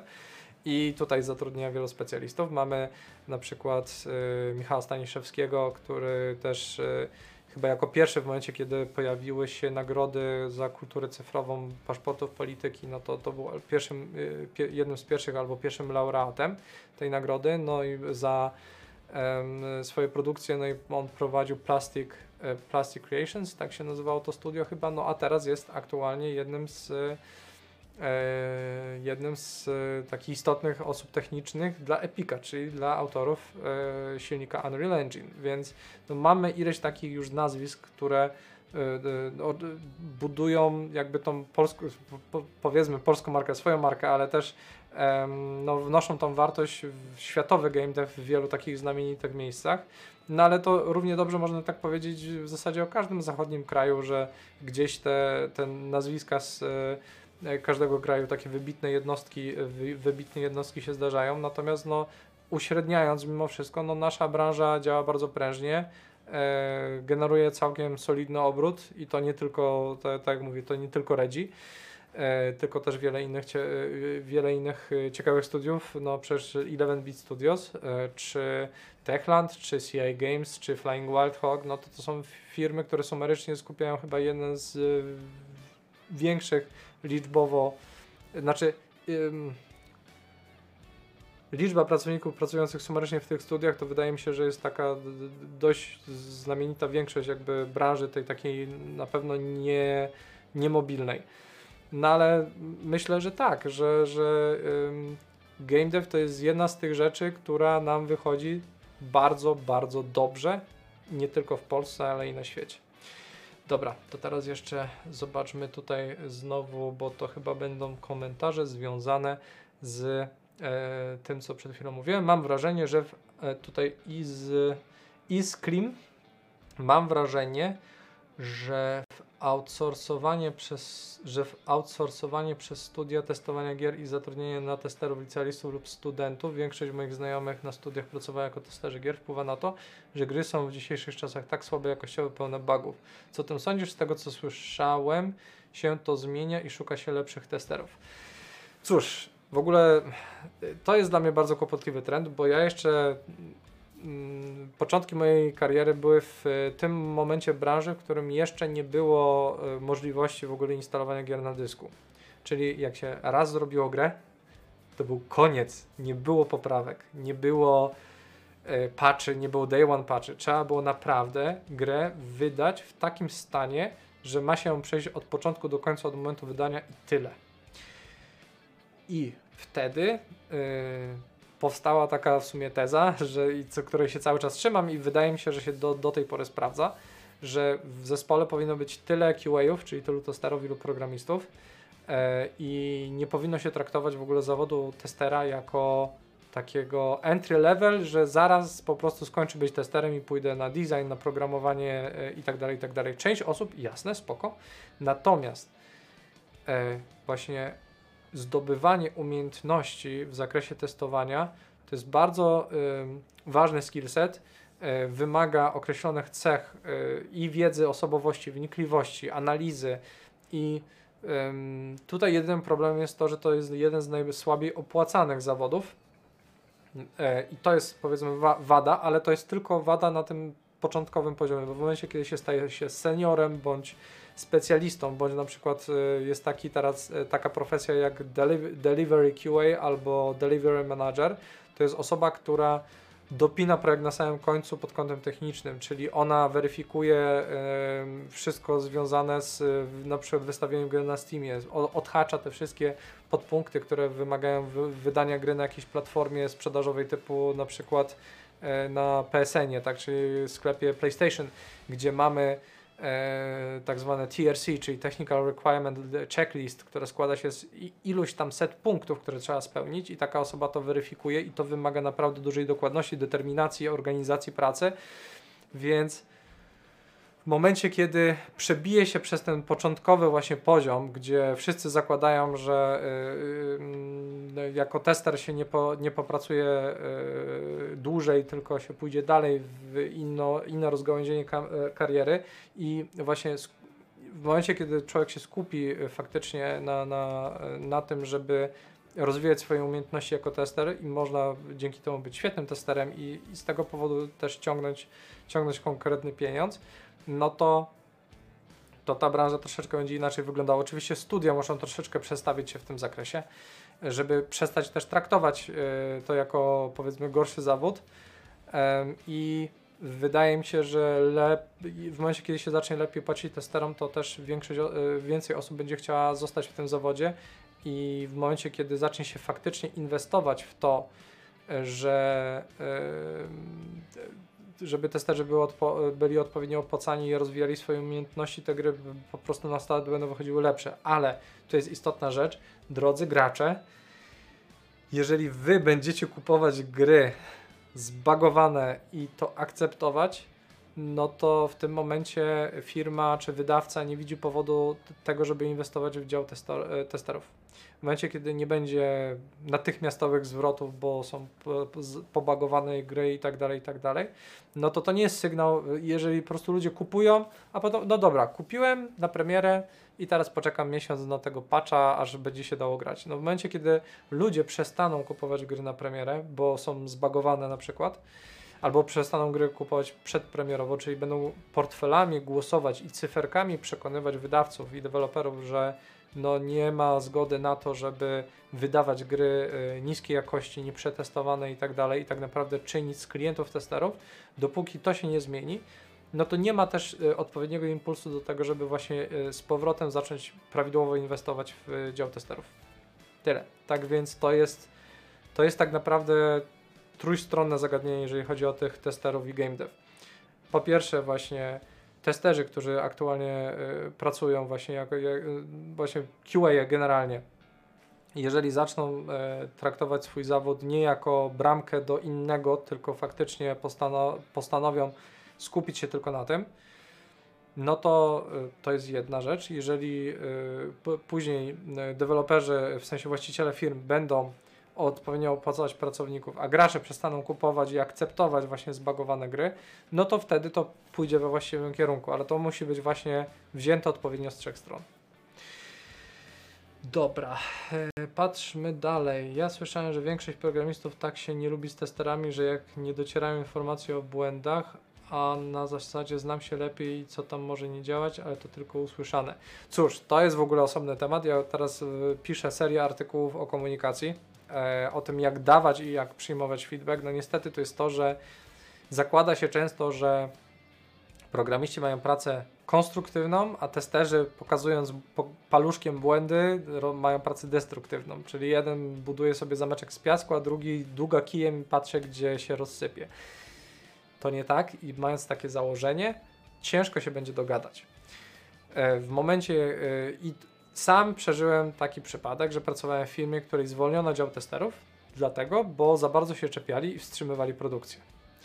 To jest oczywiście projekt posypał się tragicznie bo bez odpowiednich QA-ów, bez y, odpowiedniej komunikacji pomiędzy pro, programistami, czy w ogóle wszystkimi działami produkcyjnymi, nie tylko programistami, a testerami, jeżeli tutaj nie będzie współpracy i nie będzie podejścia, że wszyscy ciągniemy razem ten sam wózek i, i Twoja praca, i moja jest ważna, i szanujmy ją wzajemnie, no to lepiej nie będzie. Więc no tutaj y, nie ma magicznego środka, tylko właściwie się komunikować jakie oprócz ESC, chyba ECS, ale jakie oprócz ECS i Object Pooling wzorce projektowe według Ciebie są godne uwagi researchu?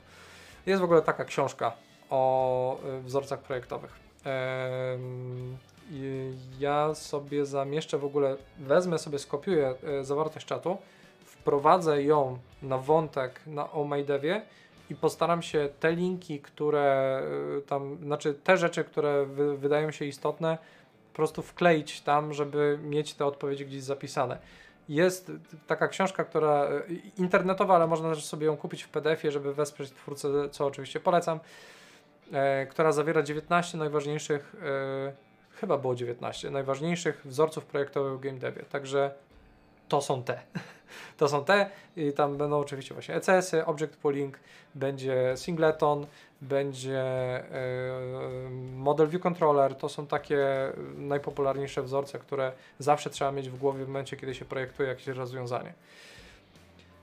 E, tak, w sumie racja gra powinna być robiona jak film, nie wyobrażam sobie, patrzę do filmu. No, jak sobie zobaczysz na przykład na trylogię Gwiezdnych Wojen, gdzie Lukas co chwila coś dokładał, coś zmieniał i tak dalej, i tak dalej, no to tutaj mamy taki dobry, znaczy nie do końca dobry, ale kontrprzykład na to. Dobra, to teraz yy, znowu rzućmy okiem Ach, dobra, są kolejne pytania. To, to widzę troszeczkę pytań do mnie. To spróbuję na bieżąco odpowiedzieć na te, które są zadawane i potem przeskoczymy, bo też jest znowu na OMyDevie pytanie do mnie. No to ok, jedziemy najpierw tutaj. Dzięki za odpowiedź, spokojnie ma sprawę.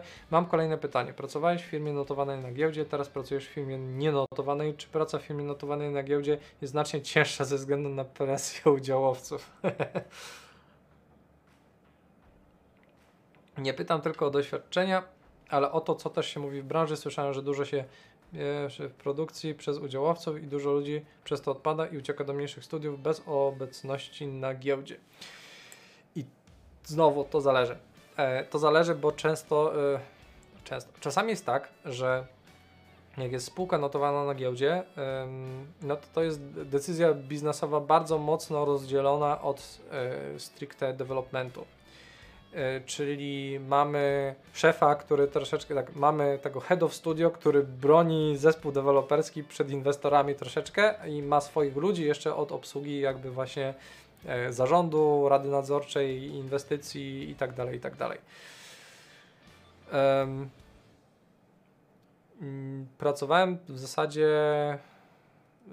w Blueberze pracowałem, to jeszcze nie była to spółka akcyjna emitowana na giełdzie, natomiast no, pracowałem w One More Level, która była od pewnego momentu emitowana na giełdzie i szczerze powiedziawszy, żaden z inwestorów nie wtryniał się do procesu produkcyjnego. Więc Tutaj też wydaje mi się, że jest jakieś błędne przeświadczenie, że inwestor to od razu też osoba, która może się czuć uprawniona do tego, jak powinien finalnie wyglądać produkt. Nie wydaje mi się, żeby to była prawda, przynajmniej w części przypadków. I to wszystko też zależy od tego, myślę, jak jest skonstruowany zespół i z kogo jest skon- skonstruowany zespół, bo czasami mamy takie firmy, które na przykład są pod spółkami Playwaya. Tutaj nic nie, nie ujmując Playwayowi, bo Krzysztofa Kostkowskiego bardzo szanuję, e, że ma taki zmysł biznesowy. Co prawda, w większości jego gier, szczerze powiedziawszy, sam osobiście bym nie zagrał, bo to ja nie jestem targetem do, do, do tego typu produkcji.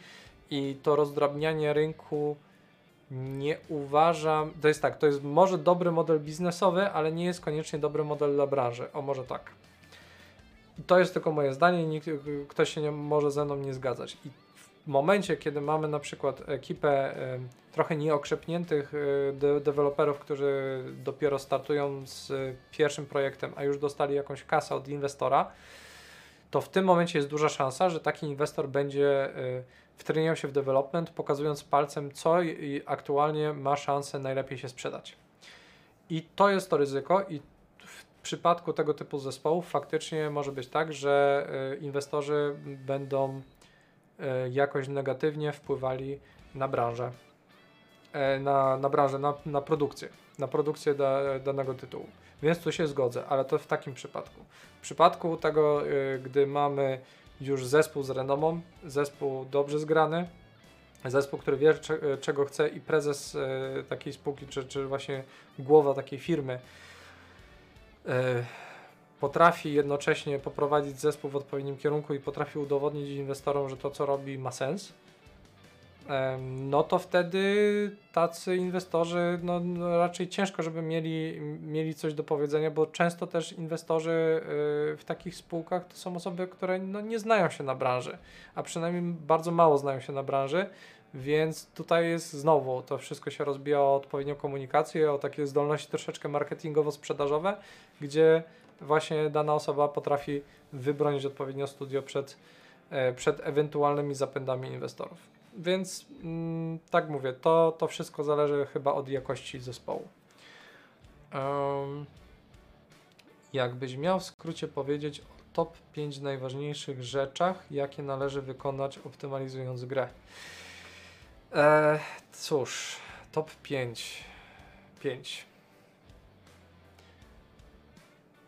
E, z pierwszej kolejności sprawdzać, czy coś jest CPU bound, GPU bound, czyli sprawdzać, co jest winowajcą, czy procesor, czy karta graficzna i tam skupiać swój, e, swoją uwagę w pierwszej kolejności. Drugie, dbać jednocześnie o optymalizację i asetów i kodu, bo e, często, często zwłaszcza młode zespoły korzystają z asetów z Asset Store'a, które są e, średniej jakości, a na pewno są kijowo zoptymalizowane i warto e, nie kupować rzeczy na, na, na pałę, tylko dobrze sobie je sprawdzić i e, dostosować do swojego projektu i nie robić na przykład miski, e, z, która ma 100 tysięcy vertisów powiedzmy, bo z takim przypadkiem się spotkałem. Czyli y, podchodzić y, jednocześnie z uwagą do asetów i do kodu. Potem e, na pewno skupiać się na właściwym zarządzaniu pamięcią, czyli zabezpieczyć się przed wyciekami, właściwie e, e, instancjonować obiekty i je ściągać, ściągać z pamięci tylko wtedy, kiedy trzeba. Generalnie obsługa pamięci jest zawsze droga, więc trzeba o to e, zabiegać, czyli zarządzanie pamięcią. Mm, nie optymalizować za wcześnie, E, to czwarta. Nie optymalizować za wcześnie, a jednocześnie przywiązywać uwagę do takich rzeczy, na pewno do tych, które powtarzają się bardzo często, czyli to, co się dzieje w, e, na przykład w metodzie update w C Sharpie, e, gdzie to się dzieje co klatkę. E, tam sprawdzać w pierwszej kolejności, mm, jakie mogą być usterki czy niedociągnięcia, e, niedociągnięcia w instrukcjach, w sensie w kodzie, tak?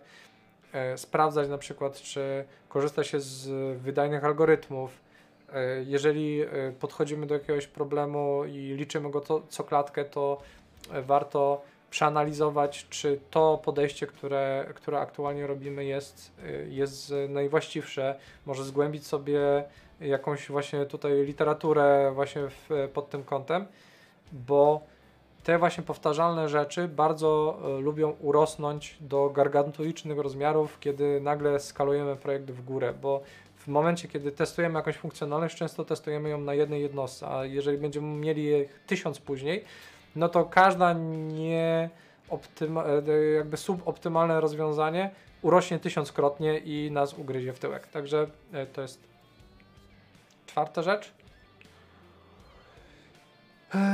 I piąta. Piąta, piąta, piąta. Piąta z takich istotnych rzeczy, czyli tak asety, kod, nie za wcześnie, zwracać powtarzalne, a nie, dobra, e, i dbać o pamięć, tak? Czy jeszcze raz. Mm. Zwracać uwagę, czy coś jest CPU, GPU bound, podchodzić jednocześnie z uwagą na aset, do, do asetów i do kodu, sprawdzać y, rzeczy, które są najbardziej powtarzalne w projekcie, dbać o zarządzanie pamięcią, y, dbać o zarządzanie pamięcią. I y, co jeszcze z takich istotnych rzeczy? Y, a, i często refaktoryzować kod w sensie e, co jakiś czas, e, co jakiś czas przeglądać e, swój kod w poszukiwaniu rzeczy, które można wyciągnąć do wspólnych metod, czy je lepiej poukładać i tak dalej. Po prostu weryfikować, weryfikować cyklicznie swoją pracę, bo często w danym momencie może nam zabraknąć perspektywy, którą nabędziemy, nabędziemy później i dzięki temu też produkujemy kod, który ostatecznie będzie wyższej jakości. Także pięć rzeczy. Uh, dobra.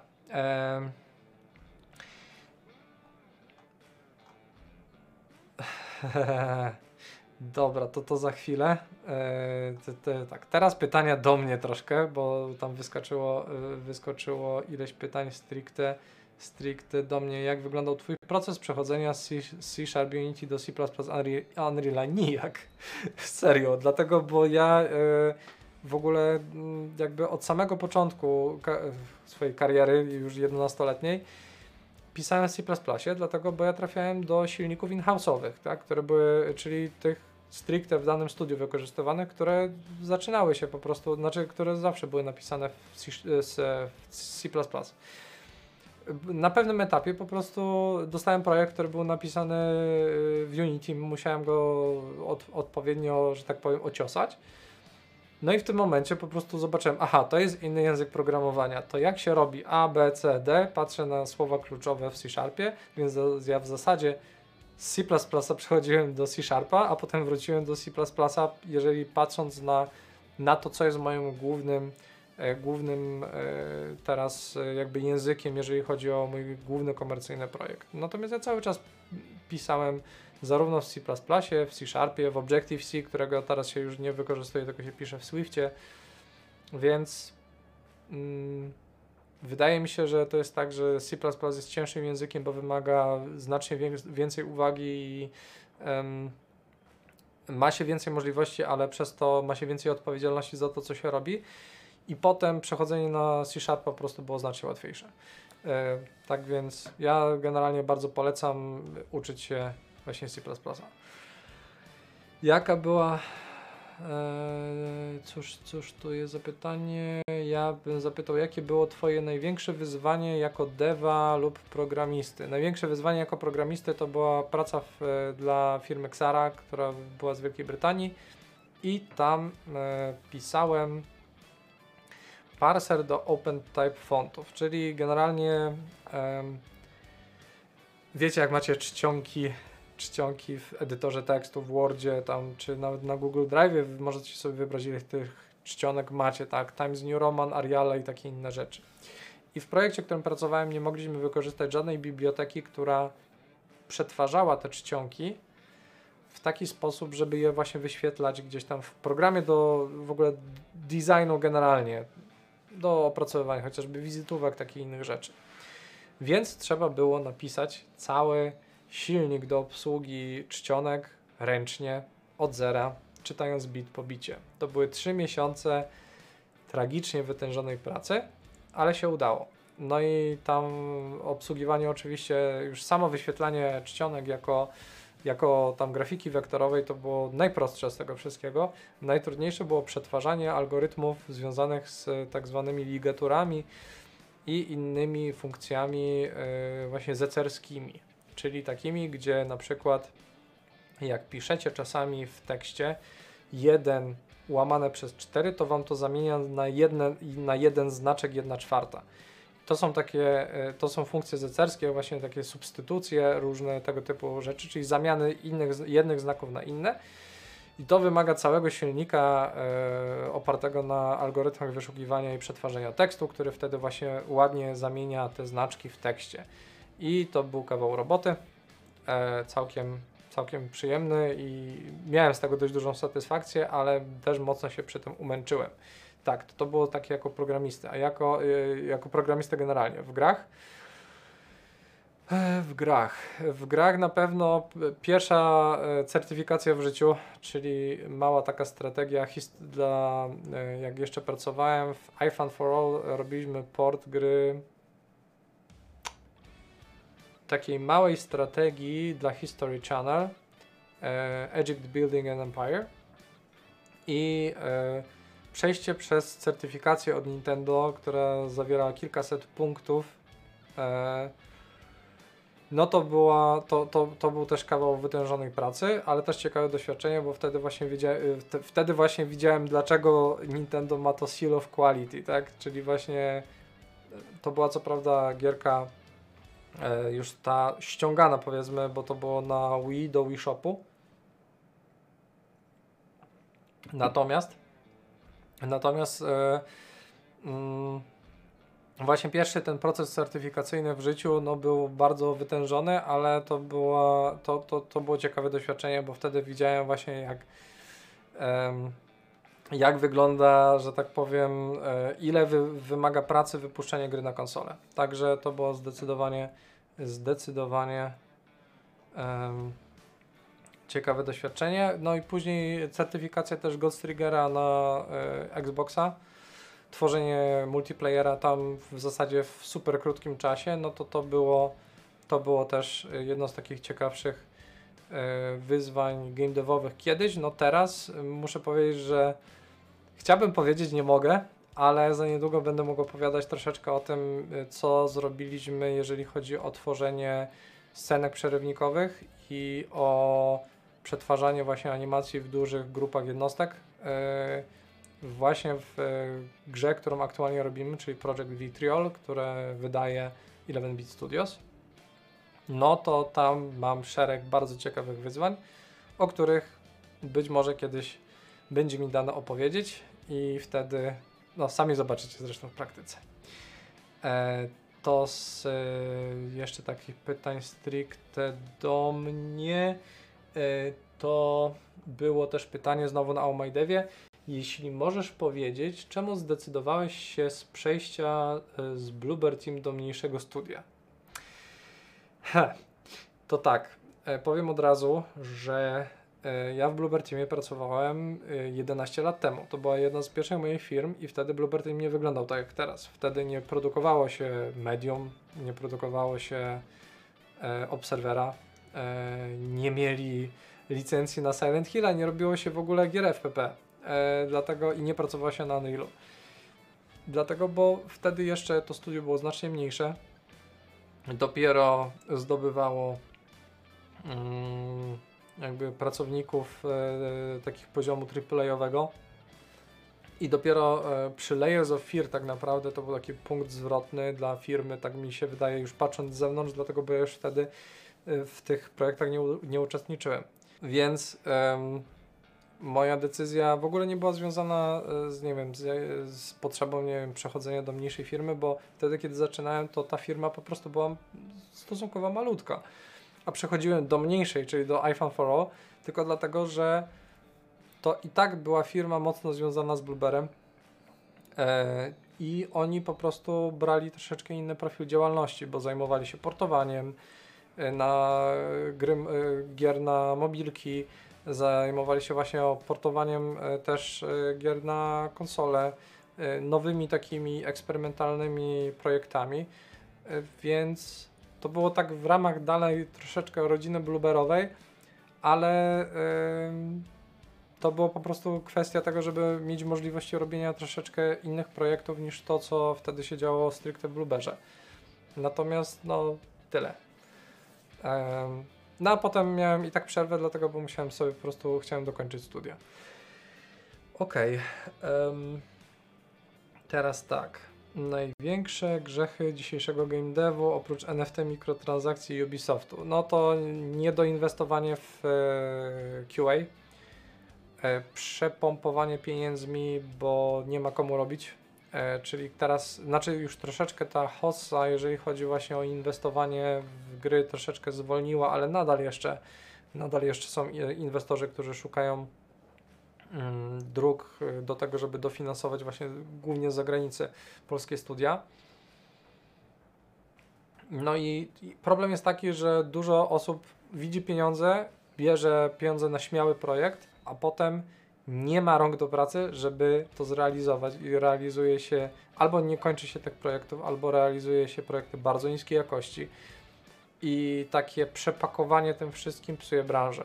Tak samo wydaje mi się, że problemem aktualnym jest to, że mamy właśnie tak jak są te spółki, które y, są częścią jakichś y, właśnie takich funduszy inwestycyjnych, które są bardzo rozparcelowane na mniejsze spółki i tam robi się na przykład w ramach y, firmy matki 30 gier, z których większość to są jakieś kompletne krapy, dwa potrafią odrobić straty pozostałych, to tą siłę roboczą nie dość, że się nie rozwija prawidłowo, bo nie robi się jakiegoś konkretnego dużego projektu, to jeszcze no, są właśnie bardzo rozproszeni, nie ma tej właściwej wymiany wiedzy, więc to po prostu nie popycha, to jest tak, znowu mówię, biznesowo może to są, są dobre decyzje, ale nie budują we właściwy sposób branży, wydaje mi się.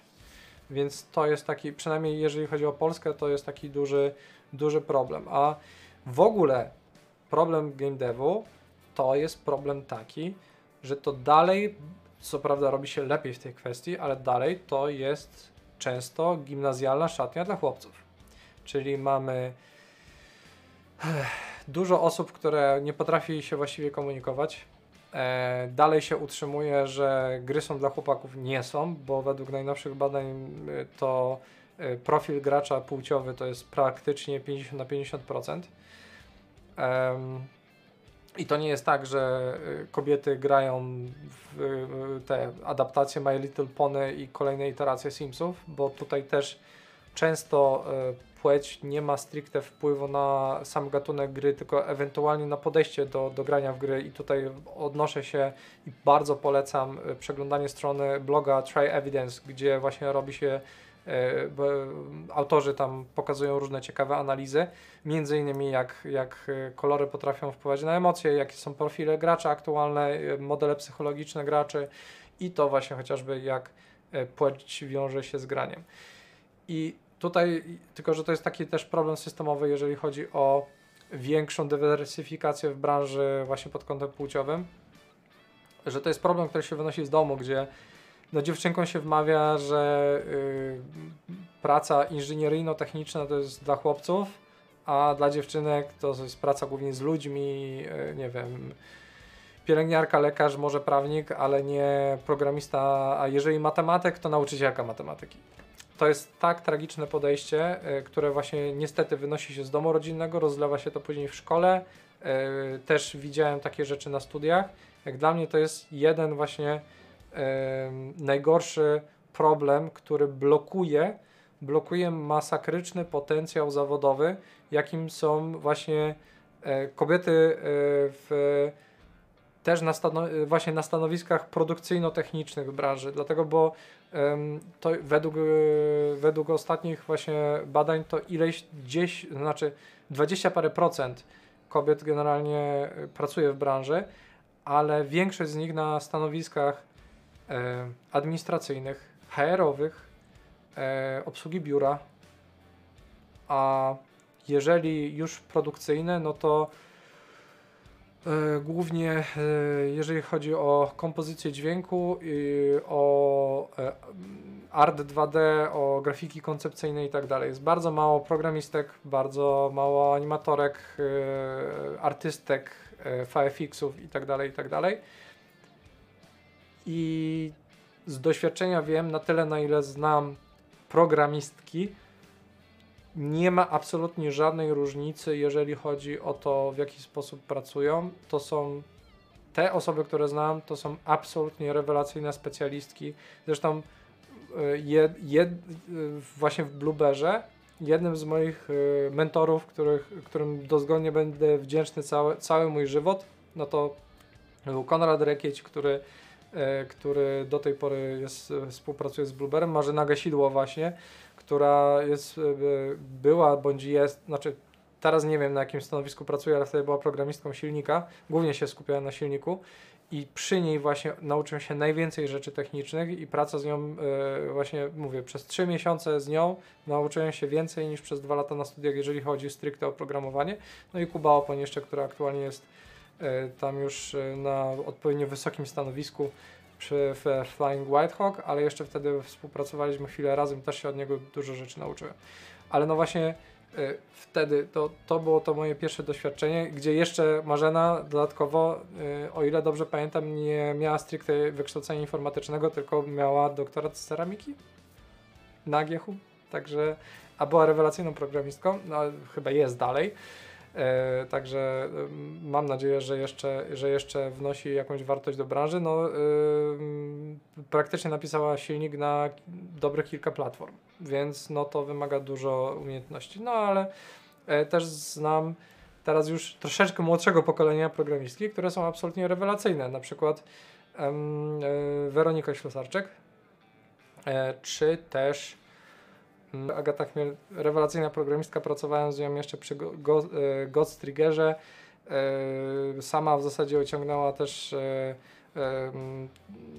całe, całą wersję na PlayStation 4 i poradziła sobie niesamowicie z, w tak krótkim czasie, jakim mieliśmy na development na konsolę, no to to tylko świadczy po prostu o jej klasie i jest jeszcze wiele wiele y, programistek w branży, y, z którymi no, na pewno mówię, jest wiele programistek, ale dalej za mało i za mało właśnie e, sposobów na to, jak e, przekonać kobiety do tego, że branża stoi przed nimi otworem i mogą wnosić, e, wnosić swoje, swoje wartości, swoje umiejętności do tej branży. Także to jest, to jest też właśnie e, tak, duża, e, duży problem naszej branży. Dobra, lecimy dalej. Mm. Jakie są największe błędy popełniane przez deweloperów? Niedbałość, słaba komunikacja, e, zadufanie w sobie, mm, problem z przyznaniem się do błędu. Mm, to tak z takich stricte miękki, miękkich rzeczy. To jeżeli chodzi o deweloperów, po prostu bardzo ciężko e, ludzie przyjmują krytykę dalej albo nie przekazują ją w taki sposób, że gwarantujemy dobre przyjęcie z drugiej strony. Więc y, tutaj na obszarze komunikacyjnym myślę, że jak generalnie nasza branża jest bardzo otwarta i bardzo chce się komunikować, to czasami jeszcze w takich kryzysowych sytuacjach nie wie do końca jak. Także to jest, y, wydaje mi się, jeden z większych błędów, jeżeli chodzi o deweloperów. Jakie projekty działania wykonałeś przed dostaniem swojej pierwszej pracy stażu w game devie? Cóż, pracowałem na budowie. Pracowałem jako kelner. Dwa lata jako barman pracowałem, na, pracowałem na złomie. Także rozkręcałem dosłownie liczniki, z, e, stare liczniki gazowe. Tak więc pracowałem w wielu różnych miejscach. Żadna robota nie była mi straszna. E, I myślę, że z każdej z nich wynosiłem jakąś wartość. E, może stricte nie dawała mi jakichś merytorycznych podstaw do tego, E, żeby być lepszym deweloperem, ale nauczyła mnie chociażby szacunku do pieniądza. E, ile trzeba się narobić na te parę złotych. Także em, tak, myślę, że z każdej pracy byłem w stanie wynieść coś, coś dobrego, co mi dało jakąś nauczkę na przyszłość. E, tak. A przed, a w kontekście w ogóle game devowym, jeżeli chodzi, no to y, pisałem mechaniki, pisałem shadery, ym, ym, chodziłem na każde możliwe zajęcia związane z grami, nie tylko z zakresu programowania, ale też, też z designu, na przykład z kulturoznawstwa, y, jeżeli chodzi o gry, bo mieliśmy takie fakultatywne zajęcia na, na tym, y, na UJ, jak studiowałem, także y, no, starałem się po prostu masak- maksymalnie rozwijać tam, gdzie się da. E, teraz e, chwilkę. Tu już czy, jeszcze tylko się upewniam, czy nie pominąłem żadnego pytania. Tak, przechodzenie na inne języki, testerzy, e, kontakty z testerami, ECS. Widzę tutaj Golden Kulfon. Kulfon. Zapytuje non-stop o rzeczy unitowe, spoko, spoko. E, Co sądzisz o job systemie Borście Unity oraz ich praktycznego wykorzystania? No to jak dla mnie to jest jakby nierozłączny, nierozłączny element DCS-a, dlatego bo jak już mamy te dane przygotowane pod kątem właśnie, znaczy w ogóle cały paradygmat data oriented, no to w tym momencie właśnie job system pozwala nam na bardzo, em, bardzo sprawne przejście na wątki, e, a tym samym jeszcze zwiększenie wydajności gry. A Burst to jest właśnie zautomatyzowany system em, tego wektoryzacji kodu, czyli właśnie tego, co opowiadałem, że y, w jednym cyklu zapycha się rejestr instrukcjami i tym samym tym samym y, zwielokrotnia się wykonanie danej instrukcji na tych samych danych. Siema, znasz może jakieś strony grupy, gdzie mogę znaleźć zlecenia w game devie? Myślę, szukam czegoś po godzinach pracy. Myślałem o zleceniach albo o zatrudnieniu na jakieś jedną trzecią, jedną czwartą etapu, no to na pewno em, grupa Game Dev Polska Wsparcie, Game Dev Polska Praca. To są takie dwa, Skillshot. Em, później jak uda, jeżeli już pracujesz w branży, no to na tak zwanego łososia. E, jak nie wiesz co to jest, to za, zapytaj się kolegów w firmie e, albo napisz do mnie później. E, to tam też czasami się pojawiają oferty pracy. E, Upwork. A, tak, też są to generalnie takie globalne serwisy, też. Fakt. Tak więc no jest ileś tych opcji. To mm, myślę te, te rzeczy, y, te rzeczy warto wziąć pod uwagę, jeżeli szukamy kolejnych zleceń. I tak jak mówię, te wszystkie pytania, które tutaj piszecie, postaram się wyekstrahować i przekleić jako po prostu wątki w e, tym jednym globalnym wątku tutaj na Oh My Dev i tam wrzucę też odpowiedzi. Co sz- sądzisz o certyfikatach Unity? tak jak o certyfikatach językowych. No możesz mieć papier, ale praktyce to tak naprawdę liczy się to, jaką nosisz ze sobą wartość, a nie co można na papierze. Więc e, jeżeli ktoś chce sobie zrobić taki certyfikat, bo na przykład to jest mu potrzebne do, do pracy, spoko. Okej. E, Na pewno jeżeli e, kiedyś będziesz chciał pracować dla Unity, w sensie przy rozwoju silnika, no to jak będziesz miał taki certyfikat, to też jest formalne poświadczenie, że coś wiesz. Em, ale tak jak w przypadku certyfikatu językowego, o ile nie jest to konieczny warunek do pracy, a tylko y, flaw, no to jeżeli ci na tym zależy, no to rób, bo to faktycznie jest jakieś tam formalne potwierdzenie twojej umiejętności, ale jeżeli za tym nie idzie faktyczny skill i umiejętność, którą potrafisz zaprezentować, no to ten papier jest tylko do ozdoby, tak? E, więc rób, jeżeli chcesz, e, bo to też może otworzyć ci niektóre drzwi. Myślę, że warto, tylko że żeby za tym szły faktyczne umiejętności. Tyle. Dobra, to teraz znowu pytania z Oh My Deva. Czy uważasz, że obecnie jednoosobowe studio jest w stanie stworzyć grę jakością i rozmachem zbliżoną do AAA? Hmm. To to jest ciekawe zagadnienie, e, bo ja bym powiedział tak. e, jest, jest na pewno mm, możliwe zrobienie gry z jakością AAA, ale niekoniecznie z rozmachem. W sensie jednoosobowe studia, bo gry o wysokiej jakości produkcyjnej bardzo ciężko robi się w pojedynkę i nawet nawet y, gry, które są y, bardzo małe, czy właśnie wyglądające po prostu jako takie indie gierki, ale które mają duży rozmach, w sensie tak jak na przykład Stardew Valley, które były robione przez jedną osobę, no to to był proces ponad trzyletniej wytężonej pracy. Więc w tym momencie e, to tak, jeżeli masz dużo, czy uważasz, że jednoosobowe studio jest w stanie stworzyć grę z jakością i rozmachem zbliżonym do AAA, jeżeli masz dużo y, kasy, w sensie bardzo duży zapas pieniędzy i dużą wiedzę i bardzo dużo czasu, jasne, ale zazwyczaj jedna osoba nie ma ani za dużo czasu, ani za dużo kasy, e, ani za dużo wiedzy, żeby tak naprawdę obsłużyć wszystkie podpunkty tego, żeby zapewnić odpowiednią wartość. Manor Lords jest rozwijany przez jednego ziomka, polska gra z tego co orientuję się, ma sporą wishlistę na Steamie. No, no to czyli mamy jakieś gry z potencjałem, ale wciąż to jest tak, że one mogą reprezentować wysoką jakość produkcyjną, ale niekoniecznie rozmach, w sensie niekoniecznie duży rozmiar, bo robienie takich gier no jest drogie. E, jak to będzie wyglądało? Co tu mamy jeszcze? Do AAA nie ma co porównywać, bo te gry zazwyczaj są na dziesiątki, jak nie setki godzin, a małe studio, jeżeli nie robi roguelike czy czegoś z replayability, to nie udało mu się osiągnąć takiego efektu. No właśnie, dlatego odpowiadając, czy uważa, że jednoosobowe studio jest w stanie stworzyć gry jakością, rozmachem przybliżonym do AAA? Jakością tak, rozmachem nie.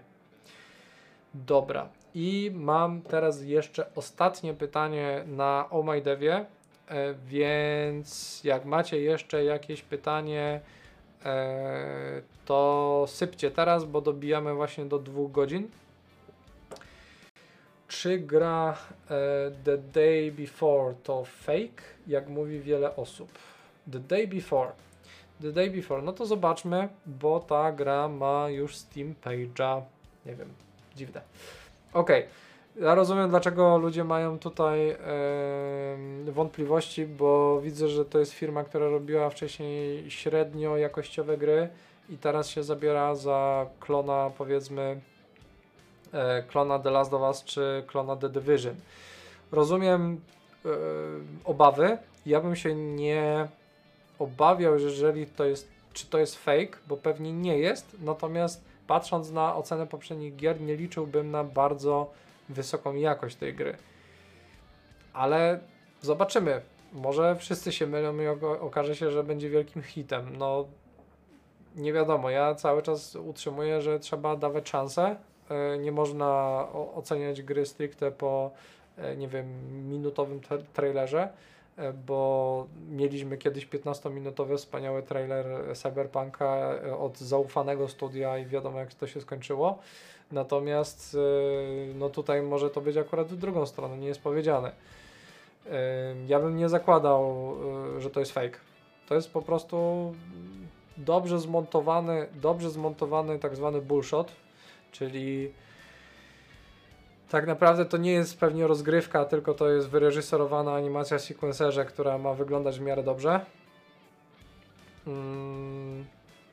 I dopiero twórcy ją rozwijają, bo patrząc na to, jakie robili wcześniej gry, no to były to średniej jakości, średniej jakości gierki, ale też z motywami multiplayerowymi, więc e, pewnie część rzeczy już mają pokryte, jeżeli chodzi o kwestie narzędziowe. No i zobaczymy, jak będą rozwijali całą zawartość. No ale okej. Okay niech sobie będzie. No 21 czerwca jest premiera, no to się okaże po pierwszych ocenach, jak to zostanie, e, jak to zostanie odebrane. No cóż, ja jeszcze sobie odświeżę tylko, czy ktoś nie dopisał jeszcze jakiegoś pytania. Nie dopisał żadnego.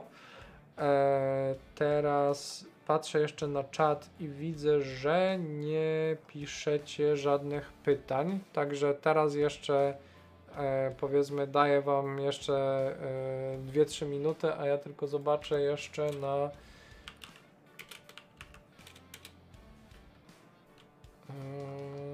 ok, na inne sociale, czy ktoś zadawał jeszcze jakieś pytania. żeby się upewnić, czy wszystkie zostały zaadresowane. Tutaj nie ma żadnych. Na Twitterze jeszcze tylko rzućmy okiem.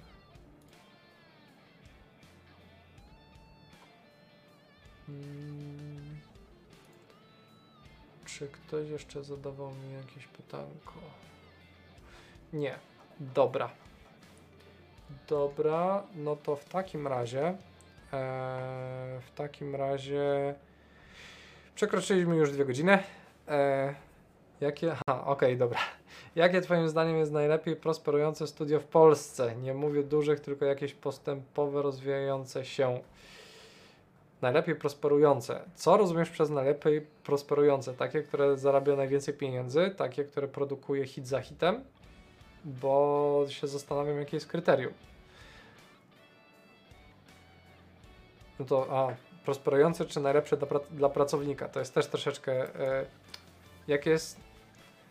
Czyli może tak, czyli chodzi ci o to, w jakim studiu najlepiej się rozwiniesz,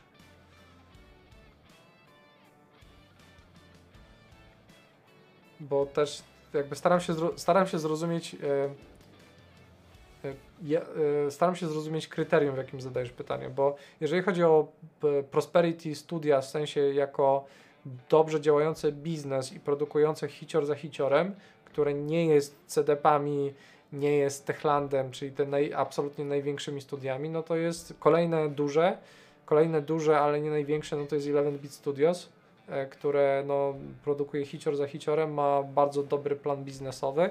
No i jeszcze teraz wszedł na przykład w partnerstwo z moją aktualną firmą, czyli Full Theory, po to, żeby też wzajemnie sobie, e, wzajemnie się bardzo ładnie rozwijać, więc e, tutaj myślę, że jeżeli już 11 Bici inwestują w jakąś firmę, bo wystarczy zobaczyć w jakie też zespoły indie firma inwestuje, no to mm, i, wydaje, no to tu, tutaj jeżeli chodzi o takie typowe prosperity, no to działają sobie całkiem nieźle. To może inaczej, najlepiej rozwijający się, jeżeli chodzi o jakość produkcji i sprzedaż, no to to właśnie, no to chyba to właśnie dokładnie to. No jeszcze mamy takie studia, jeszcze jakby schodząc troszeczkę w dół, jeżeli chodzi o, o skalę i rozmiar, yy, yy, no to mamy właśnie e, Full Theory czy Unsharp Studios to są e, firmy, które są chyba jeszcze, znaczy tak, na pewno Fullsy, ale Anshare chyba też są poniżej setki pracowników i robią ciekawe projekty i w zasadzie z jednej i z drugiej firmy większość, znaczy nie spotkałem jeszcze pracownika ani z Fullsów, ani, ani z Ansharów, którzy by narzekali na, na to, co robią, czy jak są traktowani. Więc. A, tak, oni przebili 150. A. Aha, tak, faktycznie. Potem jak Artifact Mundi się bardzo zredukowało, to, to wtedy faktycznie wybili, wybili bardzo wysoko do góry. Zresztą faktycznie, sorry, tak, bo to Łukasz Hacura nawet na ostatnim geeku e, opowiadał o skalowaniu firmy w górę. E, no tak, bo oni przed, przed rozpadem Artifactów byli troszeczkę poniżej setki, tak mi się wydaje. Faktycznie, no to, to, to jest e, tego jeszcze poziomu tak y, w okolicach setki. Um, Flying White Hawk chciałem powiedzieć, że um, ładnie się rozwijają i produkują świetne gry, ale patrząc na y, Shadow Warriora trójkę, no nie jest to najlepiej oceniana gra. Ja te, też sam mam uwagi, jak sobie teraz w tą gierkę pogrywam. Um, ale generalnie no Space Punks ma też takie w miarę wysokie oceny i jest to celowane jako, jako taki ciągły produkt. Yomi się zapowiada interesująco, czy e, ten e, Dark West, czy jak to się tam nazywa, e, tą gierkę taką TPP, gdzie mieszają się demony i dziki zachód, także to jest też, to jest też, mówię, interesująca firma Flying White Hawk. Oczywiście One More Level e, to jest e, co prawda małe studio sumarycznie, bo oni oscylują chyba w granicach 30-30 paru pracowników, no ale e, z Ghost Runnerem już naprawdę wybili się do góry i kolejne projekty, jakie mają w, w produkcji, no zapowiadają się bardzo smakowicie, więc, więc też to jest ciekawa firma do, do mm, obadania, jeżeli chodzi jeszcze o takie małe, nie? No bo z tych jeszcze idąc troszeczkę do góry, no to mamy E, oczywiście Wild Monarch. E, Monarch e, to jest e, firma z Warszawy, ale teraz e, ostatnio otworzyli oddział we Wrocławiu. Też e, pięknie się rozwijają. Hmm.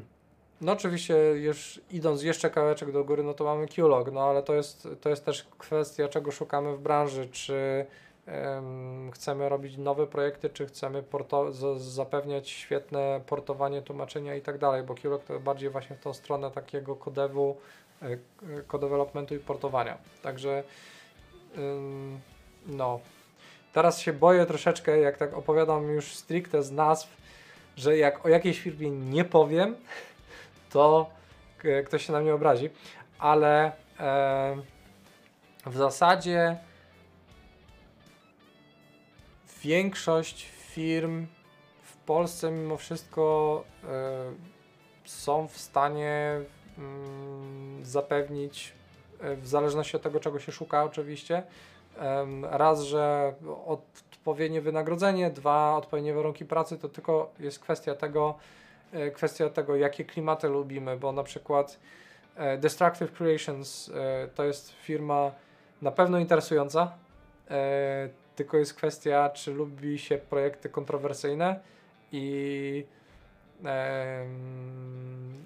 troszeczkę inny klimat pracy niż na przykład w nie wiem, właśnie w Wild Monarchu czy w Anszarach, tak? Czy w Artifactsach. Więc no, to, to jest kwestia tego, czego się konkretnie szuka, tak? Jakich parametrów. Yy, czy szukamy właśnie, bo ja cały czas mówię i tak o grach, które są niemobilne i niewiarowe. Bo jeżeli na przykład chcemy yy, robić gry VR-owe, no to mamy yy, Carbon Studio, e, mamy Super Bright na przykład, które robią świetne gierki VR-owe. Później jeżeli chodzi o mobilki, no to oczywiście Huge czy Ten Square Games, no to, to są takie, to są hegemony powiedzmy polskiej branży mobilkowej, tak? E, więc no, jest ileś tych opcji, w których wydaje mi się, że można się bardzo fajnie spełniać zawodowo. Tylko jest kwestia bardziej podania konkretnych parametrów, czego się szuka. E, więc jak mi powiesz, e, jak zaczniesz mi podawać kategorie, ramy, nie wiem, studio poniżej 100 pracowników, niemobilne, niewiarowe z tego i tego regionu, to jestem Ci w stanie wymienić ileś tam E, osób. Albo inaczej, jak szukasz pracy, to powiedz konkretnie jaki masz skillset, to się po prostu odezwę do odpowiednich ludzi i, i wtedy może się e, uda coś, coś wykombinować. Także no, to chyba tyle. Eee, tak, więc. Aha, okej, okay. dobra. Spoko. E, to nie dość, że się wkopałem, że zapomniałem imię Agaty i nazwisko, to jeszcze, to jeszcze pewnie się e, znajomi z firm, które nie wymieniłem jako te studia, które są warte uwagi, się na mnie obrażą, ale okej, okay, jakoś to przeżyję. Może akurat nie będą oglądali. E, dobra, e, dobrze. No to w takim razie, skoro już nie ma więcej pytań, to ja bardzo Wam dziękuję. E, przypominam, żeby w momencie, kiedy jeszcze e, nie mieliście okazji e, wesprzeć jakoś e, pomocy humanitarnej na Ukrainie, to wejść, a tutaj właśnie teraz się wyświetla, na się pomaga sypnąć coś do skarbonki. Jeżeli szukacie polecajek, też jeżeli chodzi o kanały YouTube'owe, takie inne rzeczy, książki, filmy, seriale, serwisy, które warto jako deweloper sobie obczajać codziennie nawet, no to wejdźcie sobie na okiemdeva.pl, czy w ogóle wyszukajcie sobie frazę okiemdeva, to znajdziecie w zasadzie wszystkie moje kanały socialowe, gdzie zamieszczam linki do właśnie serwisów, do, za, za, zamieszczam też artykuły, które warto przeczytać. E, wchodźcie też na, e, na OhMyDev, też e, repostuję wszystkie rzeczy. Też będą się może pojawiały tam autorskie artykuły stricte pod ten serwis, więc też e, warto tam wchodzić i serdeczne dzięki e, serwisowi Oh My Dev za zorganizowanie e, i popchnięcie mnie do tego, żeby zrobić tego live'a i ama. E, na te wszystkie odpowiedzi, które były tutaj, e, były tutaj zadane w serwisie i też e, na czatach e, postaram się e, udzielić odpowiedzi, poprzeklejać informacje i tak dalej. Także jeszcze raz wielkie dzięki wszystkim. Eee, Zapraszam na okiemdeva.pl, gdzie znajdziecie sobie linki do mojego kanału YouTube'owego, eee, artykułów i tak. I cóż, trzymajcie się, a następnym razem postaram się e, lepiej jeszcze zorganizować te wszystkie widgety, bo e, to jest dla mnie akurat nowość. No i trzymajcie się, cześć.